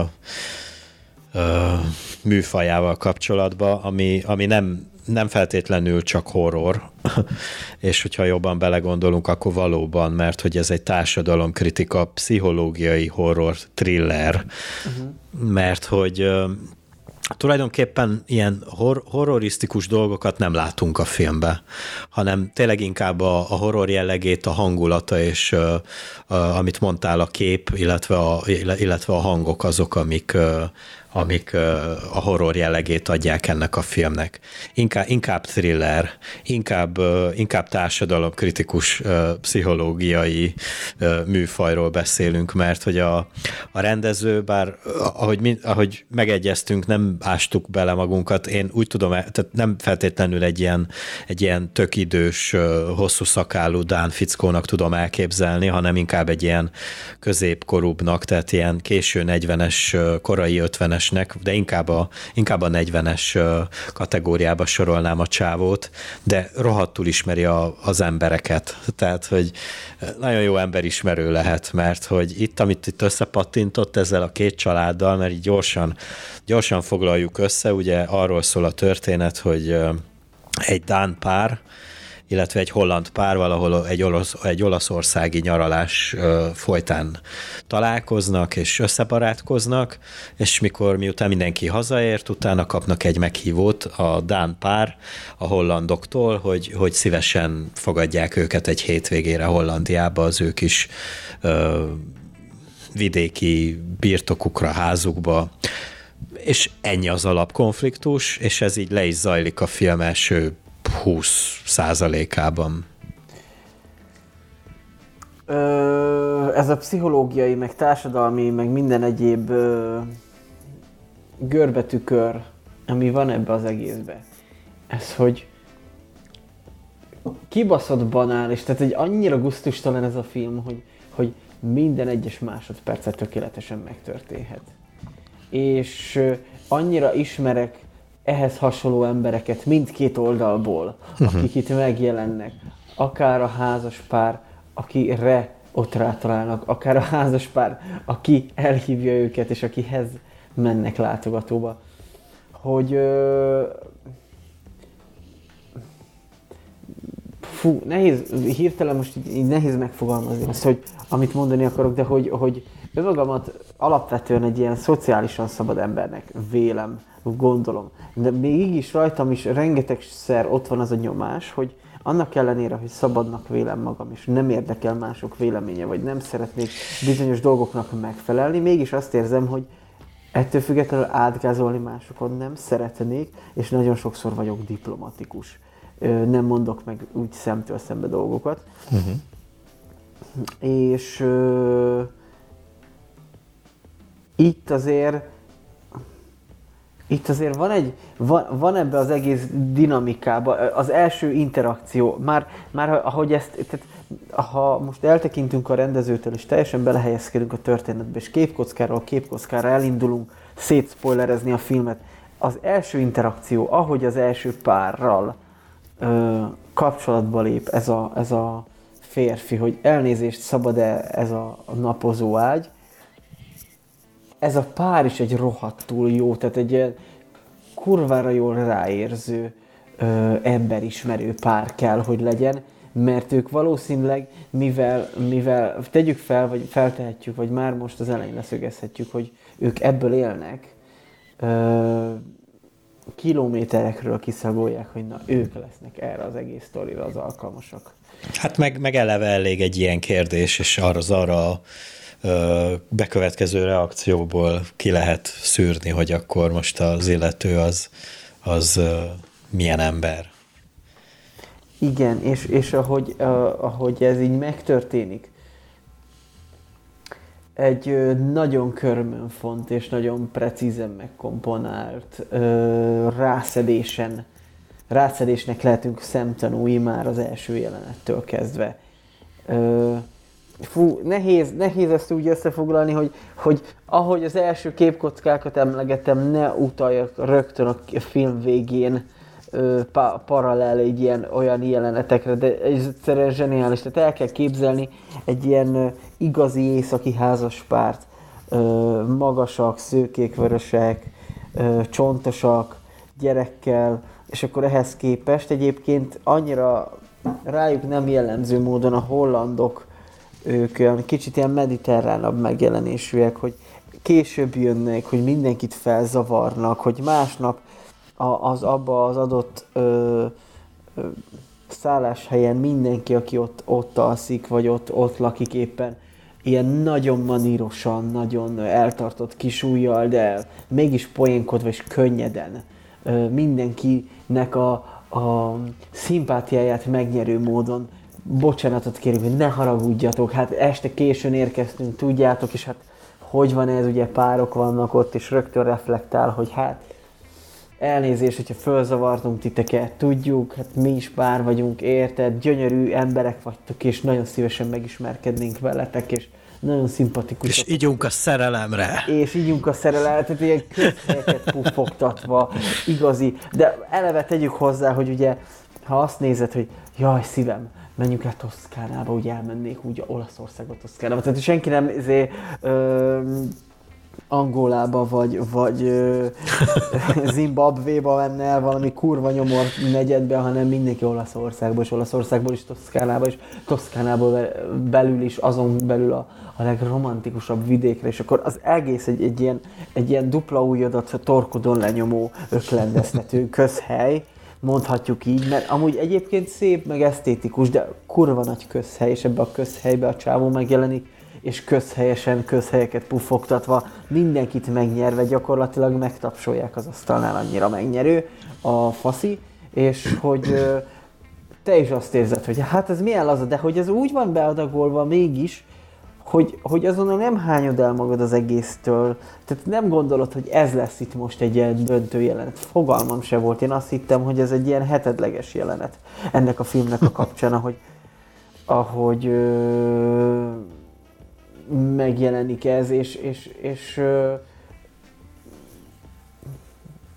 hát, hát valahogy, valahogy ez a tehát ugyanúgy, ahogy, ahogy ott hagyjuk a gyereket a szálláson, kérünk egy, egy fizetünk, tehát azért, azért azt is kell nézni, tehát én párhuzamba állítanám a, a Dán házas pár nyaralás kapcsán felbérelt, ö, ugyanúgy külhonból származó babysitterét a holland házas pár, szintén azt hiszem külhoni valami, ő is az valami más országból származó babysitter, aki a gyerekekre vigyáz, míg elmennek közösen kajálni. Úgy ott ö, Hollandiában, tehát hogy, hogy annyira undorítóan közhely az egész, de mégis valahogy ez történik. Tehát ugye olyan helyekre mész el nyaralni, olyan ugyanolyan közhelyes emberekkel találkozol, és uh, ugyanolyan közhelyes, hogy vagytok, milyen kutyátok van, ja igen, itt nyaralunk, milyen szép, gyönyörű ez a táj, ja ez az éjszaka olyan olyan jó, ígyunk a szerelemre, hát azért vagyunk itt. De, de, de, egyszerűen amilyen módon közhelyes, annyira emberien közhelyes, tehát nagyjából mindenki így gondolkodik. Na, ez az, ez az. Nem tudom, mit csinálsz, de valami nagyon berecseg. Ó, bocs. Valamit nagyon piszkálsz most is. Ö, arrébb húzom. A mikrofont lehet, hogy hozzáért valamihez a... Biztos hozzáért. Most? Hát most egyenlőre jó. Okay. Én kiírtam ide magamnak szavakat, amik így eszembe jutottak. Például az, hogy udvariasság, illetve vannak ilyen kulcsmondatok, amik így elhangzanak a filmbe, és mikor elhangzanak, akkor így, akkor így nem törődsz velük, csak aztán kicsit később értékelődik fel a, a, a jelentőségük ezeknek a szintén elpufogtatott gicses és mindennapi szavaknak, hogy hát de mi baj lehetne? Vagy, Úristen, igen, igen. Az, az nagyon, nagyon rossz érzés volt, amikor elhangzott a filmben, így visszagondolás nélkül, hogy mi lehet a legrosszabb, amit történik?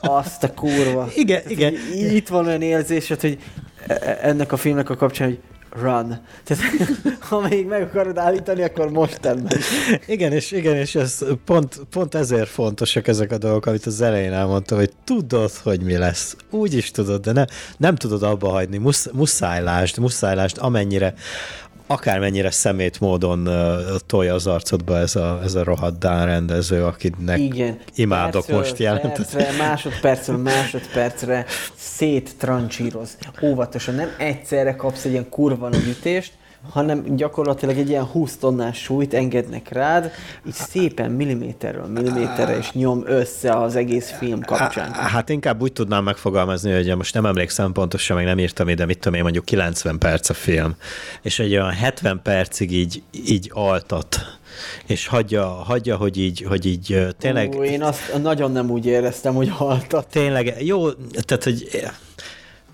úgy értem ezt, hogy altat. filmeket. Igen, igen, igen, igen. Tehát, hogy úgy értem, hogy altat, hogy, hogy, hogy ugye mindig, mindig születik megoldás, és mindenki egy idő után megbékél, bármennyire meg van sértve. De hogy, de hogy az utolsó 20 perc, ott, ott tényleg ott a, ott kiemelendő a, a képi világ picit megváltozása és sötétbe borulása, illetve, a, illetve a, a szintén a zene is rásegít, és, és érzed, hogy na, na most, na most jön a, a izé. A másik dolog, amit még ide kiírtam magamnak, az, az, az szintén az a, az a tipikus kor, kor probléma, bár nem tudom, hogy száz évvel ezelőtt ez mennyire működött, vagy volt probléma, az a konfliktus kerülés. Az, amit, az, amit mondtál, hogy hogy nem feltétlenül tolsz mindenkinek az arcába mindent, viszont, viszont, viszont az, a, a másik falhoz tolni sem kéne az egészet, hogy tényleg mindent hagyni a picsába, és, és mindent lenyelni, és, és, és, és nem összeszólalkozni, mikor már tényleg nagyon szarul érzed magad, és akkor, akkor se szólsz az egészért. A másik dolog meg, meg, a, meg a nemet mondás, tehát, hogy ezzel, ezzel évek óta konfliktuson volt a magánéletemben, hogy, hogy én például tudok nemet mondani, de viszont egy hozzám közeli ember meg, meg, meg nem tudott nagyon sokáig nemet mondani, és szóval, hogy, hogy ezt totálisan át tudom érezni, hogy, hogy, hogy milyen ez. És uh, itt a főszereplőink is ugye uh, hát többször futnak lesre e, e, ezen, ezen témát illetően.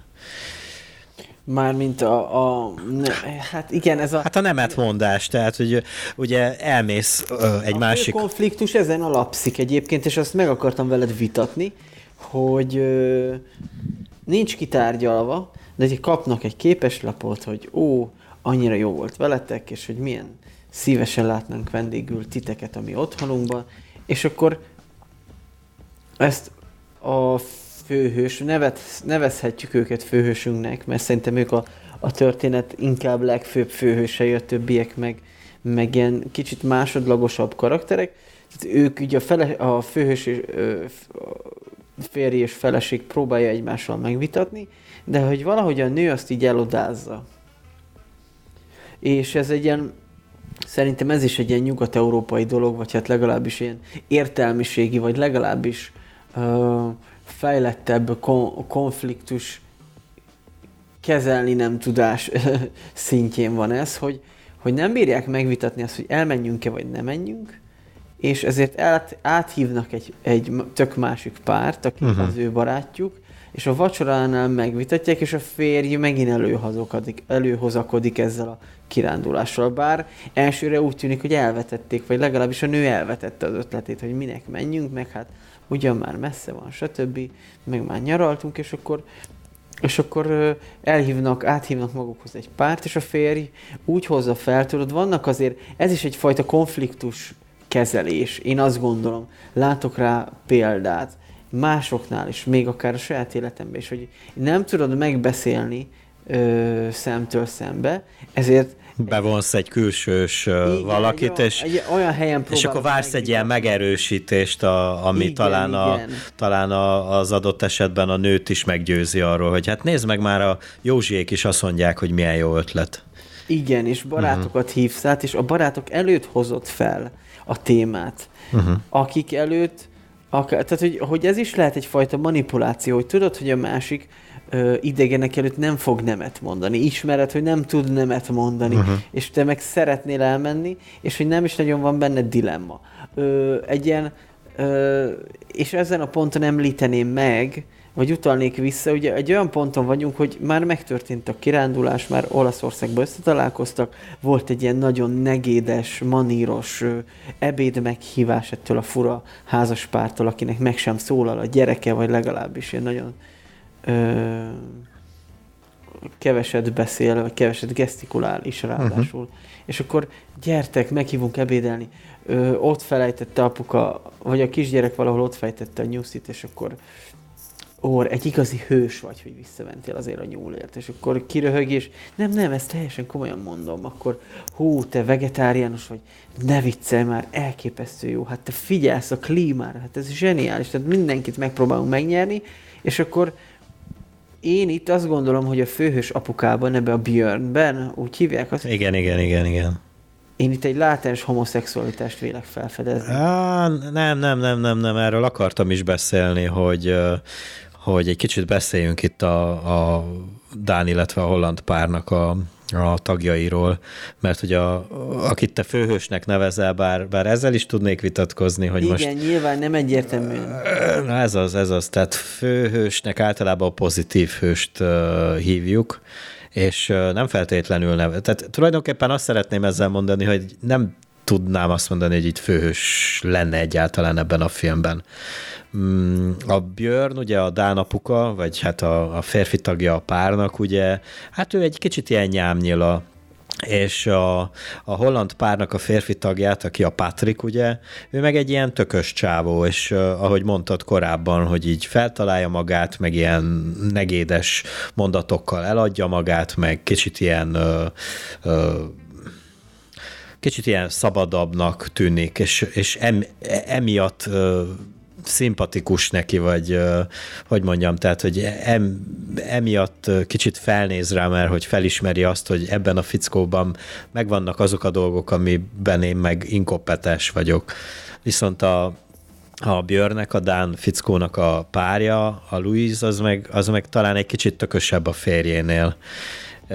Viszont, viszont ez, a, ez a tökösség sem az a tökösség, ami, amit tökösség alatt értünk, mert ahogy az előbb mondtad, hogy, hogy azért mégis sikerült meggyőzze furmányos úton módon a feleségét arra, arra a bizonyos hollandiai utazásra a barátokat bevonva. Tehát a tökösség szerintem az pont azt jelenti, hogyha hát figyelj, voltunk nyaralni, jó, akkor már nem megyünk, jó, és akkor vége, és aztán bármit csinálsz, akkor is figyelj, megbeszéltük. Tehát, hogy a, tehát a nőből is hiányzik a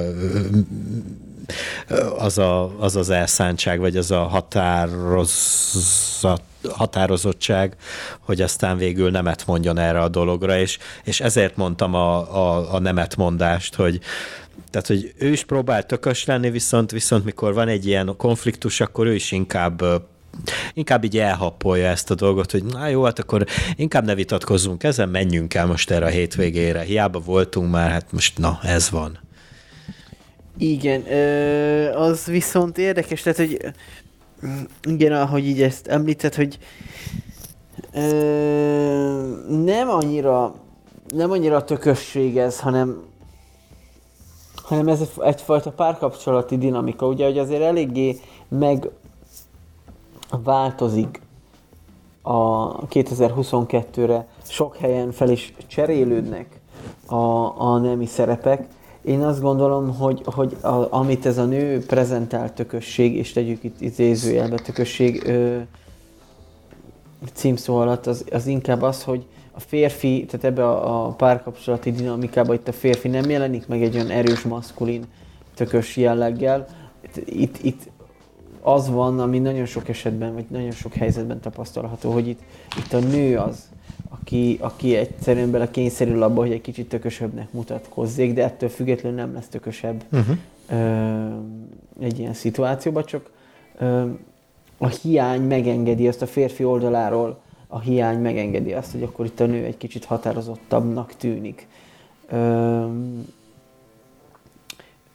az első jelenetek között van az, amikor ott hagyják a gyereket a szálláson, és elmennek, lemennek a vacsorázni, vagy iszogatni, és, és akkor mondja a nőci kifejezetten, igen határozottan kijelenti, hogy akkor legyen szíves, ne adjon neki almalevet estére, mert túl sok benne a cukor, és akkor a férj már csak egy ilyen nyugtázóan ismétli vissza, de hogy itt anyuka az, aki leosztja, hogy a gyereket hogyan kell kezelni, már mint itt az alkalmazottnak. Tehát apuka egy ilyen kifejezetten ilyen, hát jó, anyuka néha tud határozott lenni, én ennek szabad utat hagyok, hát hadd éljek ki ezeket a határozott szándékait, én meg jól el vagyok itt a háttérben, amikor így odaállsz egy ilyen haverod mögé, hogy na azért, aki velem akar szembeszállni, ez először a haverommal kell szembeszálljon. Tehát, hogy ilyen Akkor te velem vagy.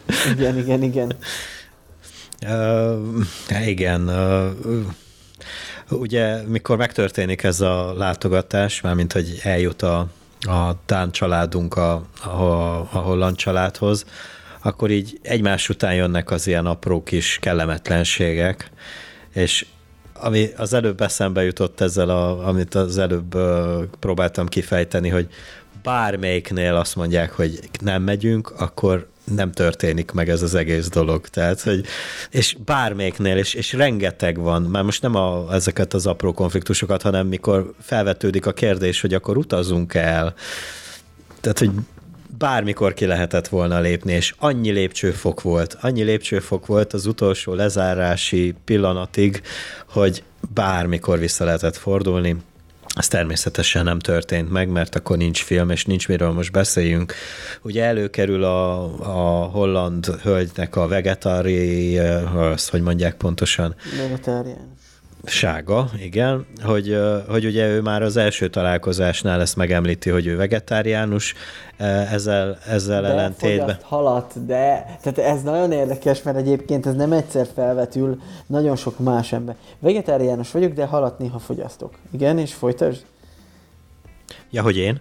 Uh, hát, hogy, hát, hogy mindig valami hús kaját tesznek elébe ennek ellenére. Tehát itt de többször... ahogy kínálja ami ebbe a vendégségbe, de figyelj, tudom, hogy vegetáriánus vagy, de szoktál halat tenni, nem? De ez a kedvenc részem ebből a húsból, és ezt kóstold meg, mert... kell kóstolni. Musz, muszáj. Hány ilyen vendégségben voltál már, amikor nem volt kedved egyáltalán, vagy megkóstolni, vagy belekortyolni, de figyelj, hidd el, nem hiszel nekem, Kóstold meg! Csak kóstold ez, meg! Ez a legfinomabb. Hát nem tudod, hogy mit veszítesz, de erre is van egy válasz. Nem, köszönöm, vegetáriánus vagyok. De udvariasságból mégiscsak megkóstolja, ugye, meg, meg szóval, hogy ez így több, többször előfordul. Ugye van egy olyan jelenet, hogy uh, meghívják őket vacsorára, már mint a, a vendéglátók. Elmennek egy hát vendéglőbe, ami tulajdonképpen egy csehó, uh, amiben csak ők ülnek, szinte, tehát meg ott van a pincércsávó, és a végén addig-addig sakkoznak, meg uh, nem tudom mit csinálnak, hogy végül a dánok fizetik ki az egész ceket. tehát, hogy, de miért? Azért is, mert így, hát ott feszengsz, meg ott nézed, hát, de most szóljak neki, hogy hát figyelj már, ti hívtatok meg minket. Igen. De mégis, hát itt vagyok én, tökéletes tehetetlen férfiú, az asszony ugye már kim van a kocsiba, hát, na, hát mégiscsak kifizettem, hát nem akarok itt izé lenni. Akkor ugye, mikor megérkeznek, ugye megmutatják a párnak a a dámpárnak a, a, a szobáját, hogy na, ti itt fogtok aludni, illetve a kislányotok az meg itt fog aludni, és akkor be, beviszik őket a, az ő fiúknak a szobájába, és, és a gyereknek az ágya mellett van egy ilyen kis, nagyon kis Hát egy ilyen kis... egy ilyen összehajtogatható matrac. Igen, és akkor, hogy a gyerek itt fog aludni, és hát ugye a... a, a... És mindenek úgy állnak neki, hogy yeah! Jaj, hát ez nagyon jó. Jaj, hát, hát egy kicsit kicsi, de á, jó lesz. Hát köszönjük szépen, és mert hogy udvariasak. És aztán, és aztán um, mit írtam ide? Ja, igen. Hát e, igen. Ja, meg ugye elég érdekes módon rendszabályozzák ezek a hollandok a, a, a kisfiúkat, és hát így ugye így a képeken így, így látjuk, hogy így összenéz a Dán pár, hogy hát most szóljunk ezért, de hát mégiscsak ők a szülei, és akkor most mi nem vagyunk így felhatalmazva arra, hogy mi most beleszóljunk, hogy ők, hogy. Pedig tényleg ilyen nagyon ordináré módon beszélnek velem, meg ugye mondjuk ott van a, a Dán párral a, a hollandoknak a férfi tagja, ők beszélgetnek, és akkor anyuka nincs ott, mert ő próbálja épp lefektetni a, a fiúkat, aki üvölt, és így beszélgetnek ilyen teljesen más témáról, és akkor még akkor is látszik rajtuk, hogy így kellemetlen így felhozni, hogy de miért üvölt az a gyerek, bazd meg? és, és, még, és még ők érzik szarul magukat, hogy hát bazd meg, tehát ugye, ez így nem, ez így nem oké, okay, bazd meg. imádom ezeket a kifejezéseket, amiket használ a csávó, hogy, hogy ne, tehát, hogy ugye a srácnak Hú, hát, úristen, nem tudom, de hány vészjósoló jel van a, a film során, hogy első éjszaka kimennek, és a kisrác így, így a semmiből meglepi a csávót, így a, ja, ja, ja, ja, ja. melléképület mögött, és kitátja a száját, és mutatja, hogy kvázi ki van vágva a nyelve. Ja, ja. És akkor rögtön ilyen manírosan megjegyzi. Meg kell, hogy jegyezem, igen, Ábel öm, a korához képest, illetve a, a testi adottságaikhoz képest sokkal csak kevényesebb nyelvvel született, de semmi gond, igazából ráérünk, kivárjuk egyszerűen, megtaláljuk a módját annak, hogy az ő önkifejezése megnyilvánuljon. Tehát ilyen borzasztó gusztustalan, ilyen, ilyen de, de, de mindezt ilyen nagyon meggyőzően nagyon adja meggyőzően, elő a Nagyon szakszerűen, ugye ő hozzátette külföldön, tehát ö, így, ö, így ideírtam föl magamnak, hogy tulajdonképpen végig tesztelik őket. Igen ö, és úgy percről percre, másodpercről másodpercre, ahogy haladunk. Ők már kül- külföldön tettek egy gesztust feléjük, megpróbáltak elhinteni azt, hogy, hogy, ö, hogy milyen nagyon pénzes házas pár vagyunk, hát azért, aki egy toszkán olasz ö, városban meg tud hívni egy turista központban egy másik turista házaspárt gond nélkül, így ebédelni. Azért mindenki tudja, hogyha egy elmegyünk ilyen nyaralásokra ide-oda, ott azért, azért megy a pénz rendesen, igyekszik mindenki, mindenki fogni, de amikor elmennek egy ilyen olasz helyre, és akkor így mindenkit meghívunk, mert hogy a te, te családodat és a miénket is, itt teszünk egy jó benyomást, és hogy igen, orvos vagyok. És hogy, igen, ezt akartam felhozni. hogy, hogy itt, itt, itt, persze, hát mi gond lehet, elmegyünk egy orvos házaspárhoz Dánielba, hát mit, mi, mi baj történhet? És hogy így történnek ezek a, a percről percre, ahogy előre haladunk, ezek az gusztustalan tesztek, hogy ezt még elbírja a pofátok? Hm, elbírja. Akkor következő lépés, de ezt még kibírjátok? És, és ezt is kibírják. És folyamatosan egyre nagyobb, egyre arcpirítóbb, egyre irritálóbb és kínosabb helyzetekbe sodorják ezt a látogató házaspárt, ezt a, a Dán házaspárt, és így nem hiszed el, tehát egyre kínos, olyan kínos, olyan szekunder, terciár szégyenérzetek törtek rám, így a film során, hogy úristen, hogy, hogy ilyen helyzetekbe soha nem szeretnék kerülni, és, és a következő ezt is felülmúlja, és a következő meg itt de, vár, de várjál, de várjál, de várjál, ami szerintem az egésznek a pikantériáját adja, hogy te a fotelből kellemetlenül érzed magad, viszont tudod a megoldást. Te tudod, hogy hát én, én, én, én már rég nem vagyok ott, tehát hogy én ezt nem így csinálnám, viszont ha ott lennél, úgy csinálnád. És igen, bazd Jó, az tehát, a hogy nem... Durva, hogy igen. Ne, igen, igen. Főleg, tehát ez azért ö, egyszerre teljesen életszerű, és rohadtul életszerűtlen, mert ennyire embereket kiismerni. Igen.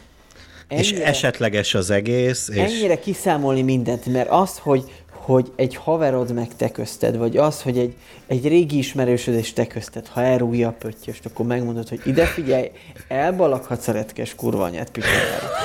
Van az a pont, ismerősnél és havernál és rokonnál is. De az, hogy nem ismertük egymást, meghívtunk ebédelni, bókoltunk nektek. Igen. Én nagyon maníros, paníros gesztusokkal így éreztettem, hogy ilyen nagyon cuki vagyok, és szerethető, és, és ne viccelj, mert egy hős vagy, és így mindent bedobnak, és meghívnak is, ráadásul a vendégük vagyok, és azt látod ennek a házaspárnak az arcán minden percben, amikor megmerik jegyezni, hogy de bazd meg, miért jössz be, miközben, miért jössz be hugyozni a WC-be, miközben zuhanyzom, érted? Elhívsz magadhoz vendégeket, nem ismered őket, csak egyszer találkoztál veled velük életükbe. De ők nagyon pontosan tudják, hogy hogy fogtok viselkedni ebbe a vendégségbe.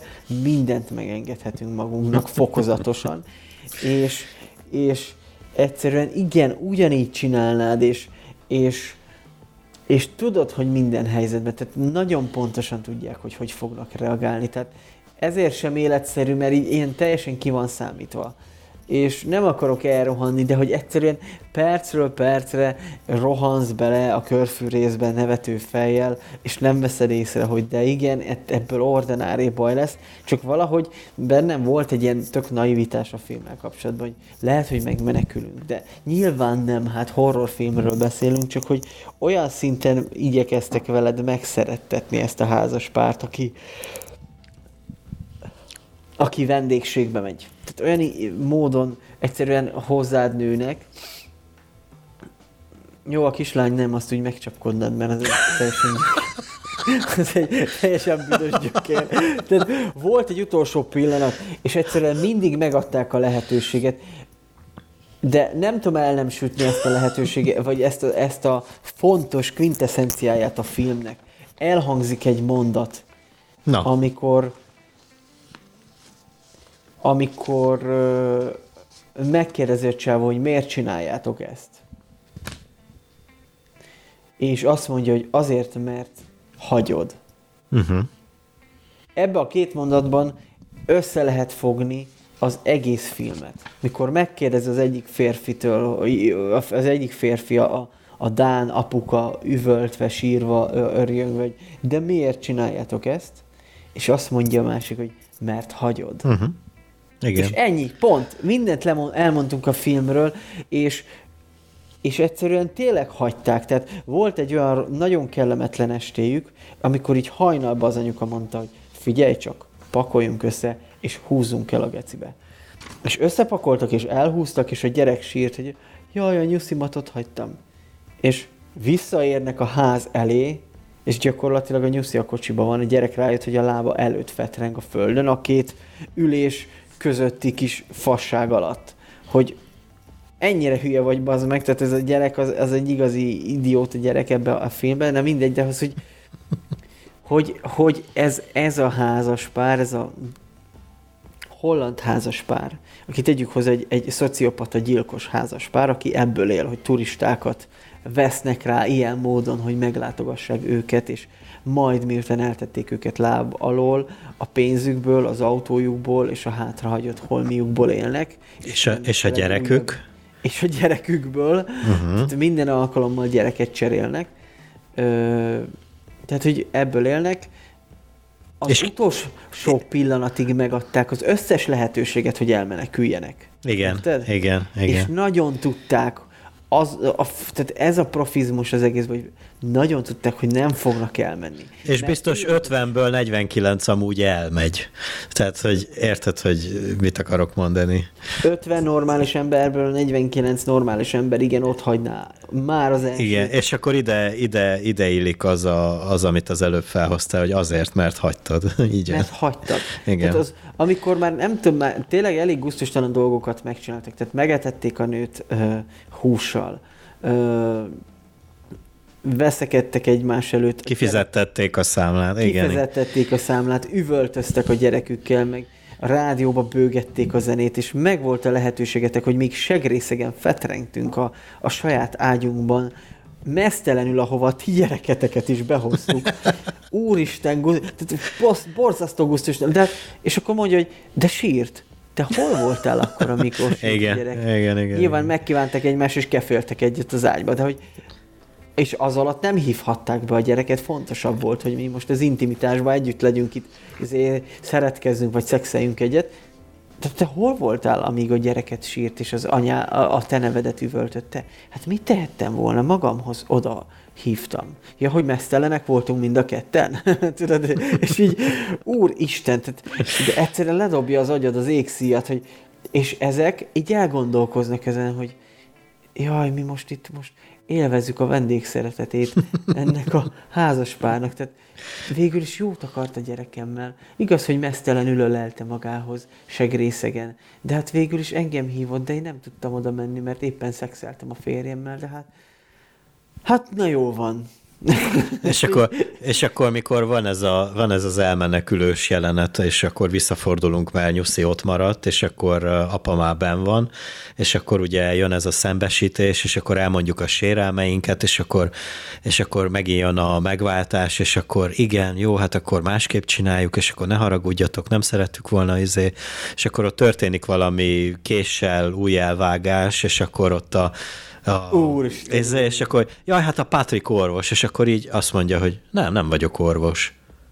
És a rezzenést és, arca. És akkor így, és akkor mit dolgozol? Nem dolgozok. Életemben nem dolgoztam egy percet sem, én nem és akkor, még, és akkor még mindig ott maradnak, bazd meg. Na akkor éreztem nagyon szarul magam, hogy... Az kurva szar tehát, ez a jelenet, és utána meg... Fel van pakolva, hogy... bazd már egy egész piramis, és akkor még a piramisra még rátesz egy ilyen óriás karikát, ami nem tudott megállni, bazd meg, nem tud Igen, megállni. Tehát és akkor, amikor az leesik a fejedre, agyonnyom, de te még ott maradsz. Igen, és akkor így nyomnak az egészre egy ilyen kurva nagy habot, és a nő fölteszi a habra a cseresztjét ezzel bazd meg, hogy Ja, amúgy ö, szeret nagyokat mondani, szeret jó benyomással lenni az emberekre egy hazugságokkal. Hogy mi a fasz? Úristen, szana szét, roma, és ott maradnak, akkor is ott maradnak. Jó, van egy ilyen kétségbeesett menekülésük, de az, az akkor már egy ilyen, egy ilyen rég, hogy mondják, egy ilyen rég reményvesztett, vagy egy ilyen, egy ilyen esélytelen dolog. Tehát az a menekülés, az már amikor a már az utolsó 20 perc van kapva, és így játszik aha, vele a macska. Tehát az már Há, igen, igen, ugye ott, ott azért így látszódik, hogy így már el van engedve a dolog, hogy így szembesüljenek bizonyos olyan részletekkel, amik, amik már tényleg lebuktatják, tehát hogyha már ezután se mész, akkor, akkor aztán tényleg ugye van ott az a pajta szerűség, ahol Igen. Hát ott tele van bőröndökkel, meg fényképezőgépekkel, meg képekkel, ugye, és ez a, ez a házaspárunk, ez a holland házaspárunk mindig más gyerekkel van a képeken. És igen, akkor... És vannak átfedések a, a párok és a gyerekek Igen, között. igen, igen, igen, igen. Na, és akkor ugye jön a, jön a, hát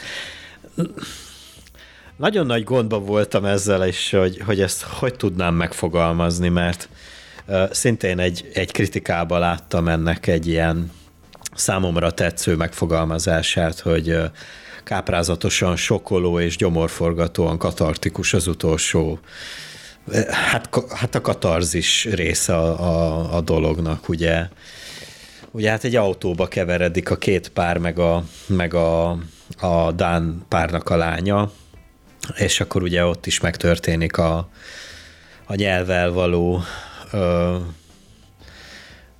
Hát azt sem tudom. Azt, se, azt sem igazán akadályozzák meg a szülők. Tehát én nem is értem, tehát annyira életösztöntől megfosztottak lettünk mi nyugati Igen. emberek, vagy mi civilizált, magasan képzett, több diplomás, hatalmas intellektuális készségeket kifejezni tudó és, és mindenféle lexikális tudással felruházott emberek, mi annyira, annyira életöztön fosztottakká váltunk. Ugye az, az agresszió legkisebb megnyilvánulása is már úristen, vadember állat vagy, tehát így, uh-huh.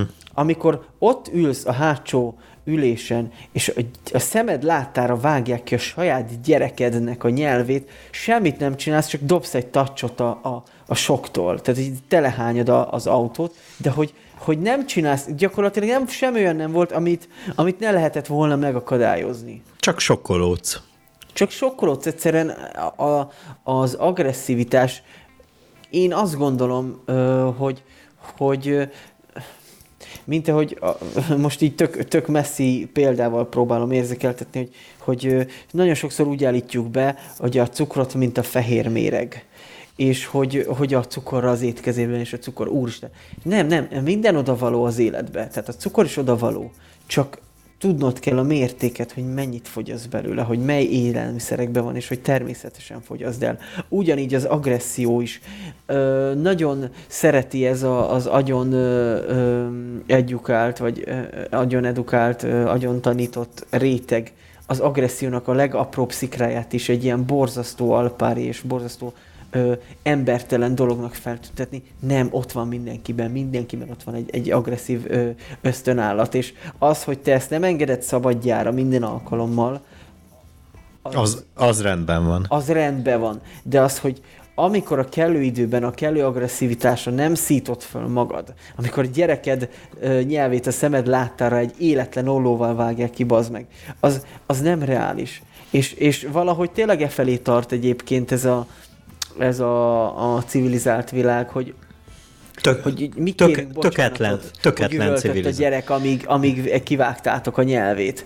Igen, tehát egy borzasztó ezt végignézni, de tényleg ennyit tud csinálni az apuka, hogy igazából dob egy tacsot. A szélvédőre. Igen. Illetve, illetve ezután a jelenet után ugye a gyereket leadják a, a spanyol nyelvű babysitternek. Juannak, és aztán ugye robognak tovább, és van egy, van egy kép itt, amikor így az, a Dán apukát mutatják így profilból. Na az, az, az szerintem nagyon, nagyon, nagyon mély, nagyon, nagyon súlyos kép. Nem tudom, megvan-e? amikor ilyen véres arccal lehányt. Ö, Igen, és így csak, csak így ilyen nyitott szájjal néz maga elé, tehát Igen. az, ú, az, hát az nagyon rég nem láttam ilyen képet filmbe.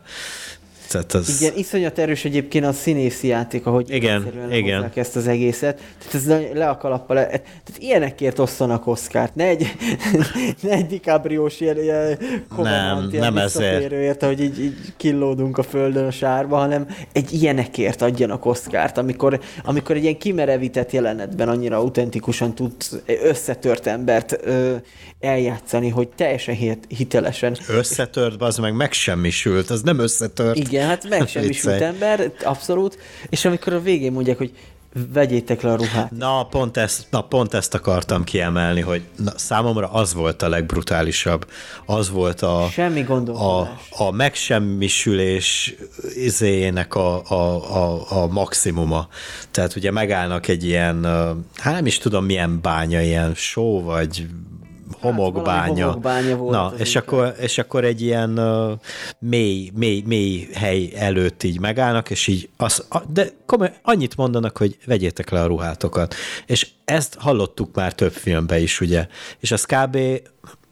mondanám azt, hogy normális esetben úgy zajlik, hogy leveszi a pólóját, és akkor megszólal megint Igen. a másik oldal, hogy a nadrágodat is, de itt nincs Igen, ilyen, bazd nincs meg. ilyen.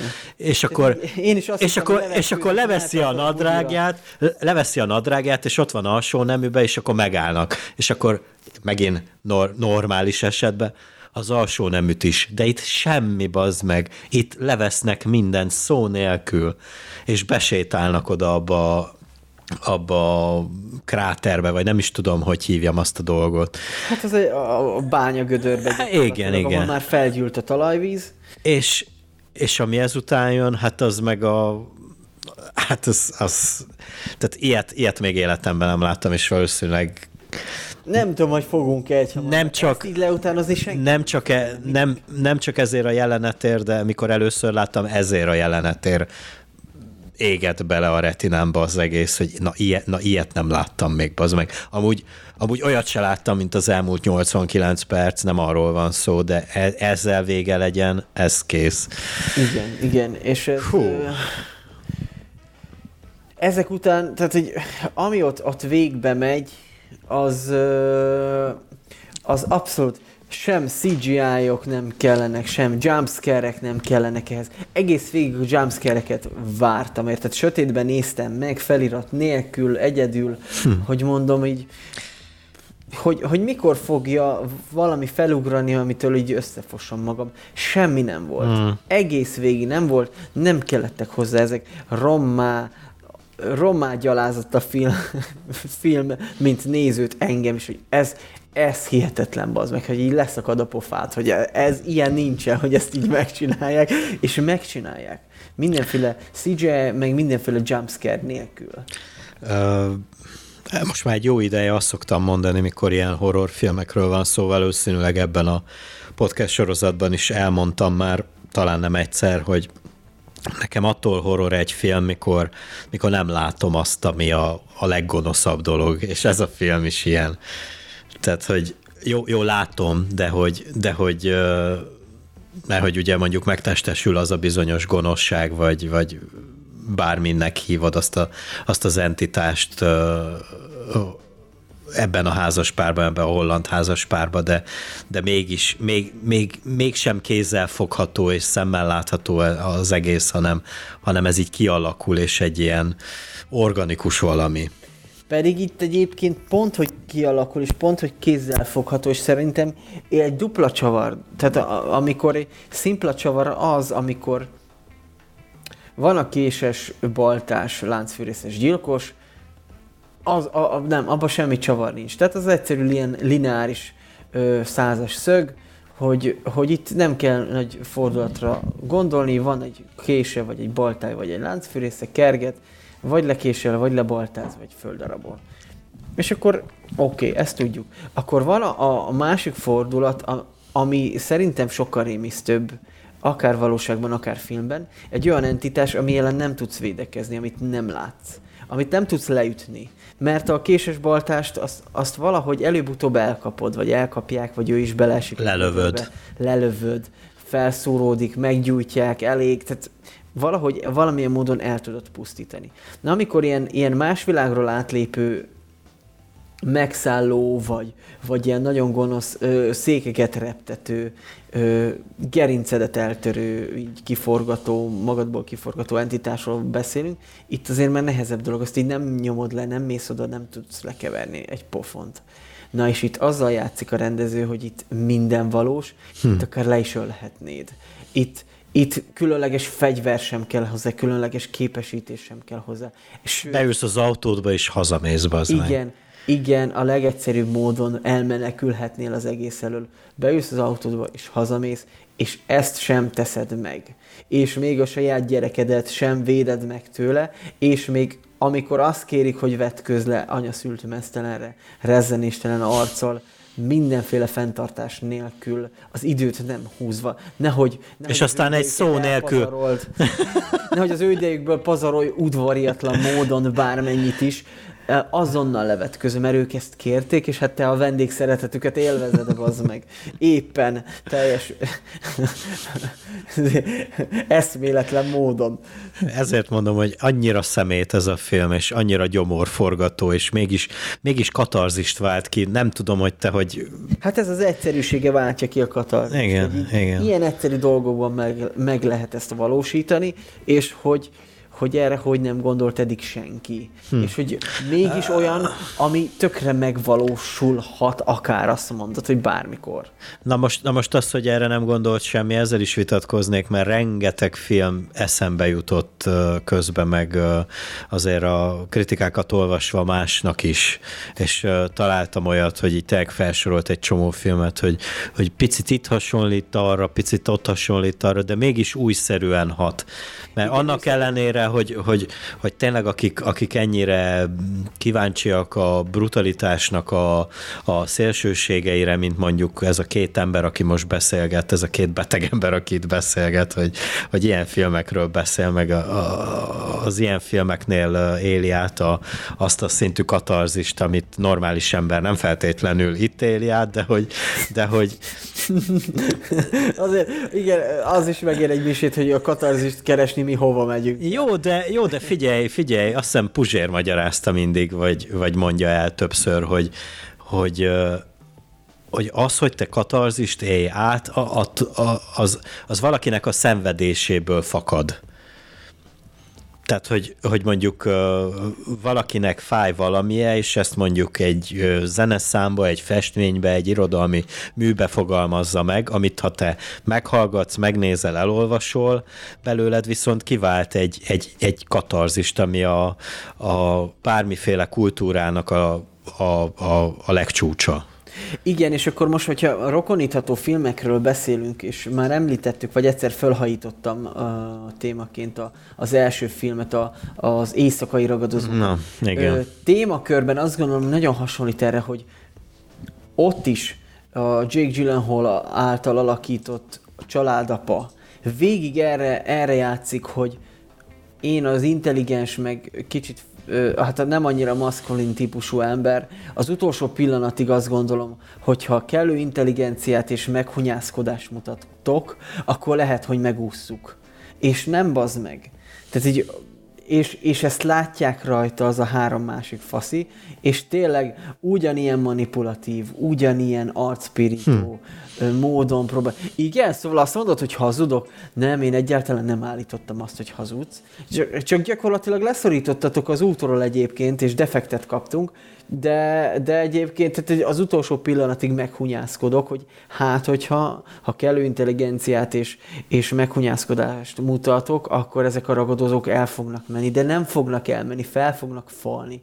És hm. akkor tényleg elviszik a feleségét, a gyerekét, és megerőszakolják mind a kettőt, és megölik mind a kettőt, és utána az utolsó pillanatig, tehát nagyon messzi el kell tolni a biciklit a, a csávónál, hogy egyszerűen ö, eljussunk oda, hogy, hogy meg akar, hogy revansot akar venni ezen az egészen. Itt nem történik meg. Tehát ebbe a... Ebbe a... Tehát akkor ez egy gecip film, mint a ez sokkal gecip, mint a, mint a Nocturnal Animals, de hogy témakörét tekintve nagyon hasonló. Igen, igen, értem, értem most már, hogy mire, hogy miért hoztad be párhuzamba. Ja, ja, ja, ja, ugyanezt, ugyanez, ugyanezen a... De van még ilyen, van... Igen Hanekének a Funny Games, nem tudom, hogy azt láttad de tehát ott is, ott is ugyanez van, hogy ilyen osztrák, vagy nem is tudom milyen idilli környezet, mit tudom én, Svédország, vagy mind, mindegy lényegtelen, tehát így családi ház, elmennek nyaralni, és akkor a szomszédok két srác csak így átjön, hogy já, valami tojás kéne, mert hogy elfogyott, és ott lakunk a másik oldalon, és, és aztán így izébe pakolják a családot, tehát így elkezdik őket kínozni, mint a fú, na, na az, is, az is megélne egy misét, és, és ott, is, ott, is, ott is nagyon hasonlít azért a, a, a család fő ö, cselekedete ehhez, de még egyszer mondom, tehát, hogy vannak ilyen hasonló filmből dolgok ebben a, ebben a Speak No evil de, de mégis, mégis, mégis sokkal Ennyire modernebb, és... Feltekerni a, a, a potit, ez azért igen, nem igen, igen, tehát meg. ennyire aljas a, a, egyik sem, amelyik, amelyik, amelyik ilyen, ilyen hangvételben mutat ránk, hogy milyenek vagyunk. Hát azt hiszem, hogy Erről a filmről nagyon, nagyon szívesen beszélgetnék mással is, és most ezt ne, ne érezd magad emiatt Jó, rosszul, hát, vagy nem. vagyok. Ja, igen, igen, gondoltam. Tehát, hogy, hogy erről, erről szerintem óriási vitákat, meg nagyon jó beszélgetéseket lehetne összehozni, hogy... Igen, tehát abszolút, ö, de, de én nem tudom azt elképzelni, hogy ezt sokan megnéznék, tehát itt viszont leszűkül a kör. De nem baj, nem baj, nem baj, nem baj, mert... Nem is kell mindenkinek megnézni. Így van, így van, így van. Ez... Senkinek nem ajánlom, hogy amúgy kitegye magát ennek a film. Ez egy, ez egy kurva kibaszott rétegfilm, viszont, viszont aki hajlamos szembenézni a hibáival, vagy nem csak a sajátjával, hanem most ezt a hibájával úgy értem, hogy ilyen társadalmi hibával, akkor, akkor az mindenképpen nézze meg, meg aki egy kicsit így fogékonyabb a, a korábban felvázolt társadalom kritikára bizonyos filmes műfajokba csomagolva, akkor azoknak, azoknak nagyon tudjuk ajánlani. Igen, ezekre a, a az emberi, emberi folyamatokra nyitott, pszichológiai dolgokra nyitott embereknek, vagy emberek számára mindenképpen ajánlanám a filmet. Szerintem nagyon sok minden, nagyon sok jó, érdekes dolgot ö, feszeget. Feszeget, és nagyon, nagyon erősen késztet ön reflexióra. Uh-huh azt gondolom. Na hát nagyon rég nem volt ilyen hosszú adásunk szerintem elsősorban. Másodszorban pedig azt szeretném elmondani a hallgatóknak, hogy idén még kétszer fogunk jelentkezni, december folyamán, utána pedig hát ahogy megszokhattátok, aki követ minket, tudják, hogy azért így egy-két hétre elvonulunk majd az ünnepek alatt, picit megpihennünk mi is, aztán pedig majd január elején, közepén jövünk majd vissza, és folytatjuk a, az adásainkat. Na de ne fussunk ennyire előre, most ennyi lett volna ez a mai műsor. Azt hiszem, vagy bízom benne, hogy körüljártuk ezt a mai két témánkat, mind a sorozatgyilkos kultuszosat, mind pedig ezt a filmet nézetek sorozatgyilkosos, kultuszos filmeket, eh, vagy sorozatokat, és, eh, és a korábban felvázolt érdeklődők pedig ezt a mai filmet. Iratkozzatok fel YouTube csatornánkra, kövessetek be minket mindenféle podcasttel foglalkozó platformon. A... Élőben, ha van rá mód, akkor ne. a nem uncsitások néven megtaláltok minket. Köszönjük szépen a figyelmet, két hét múlva jövünk új adással, új témákkal. Sziasztok! Sziasztok!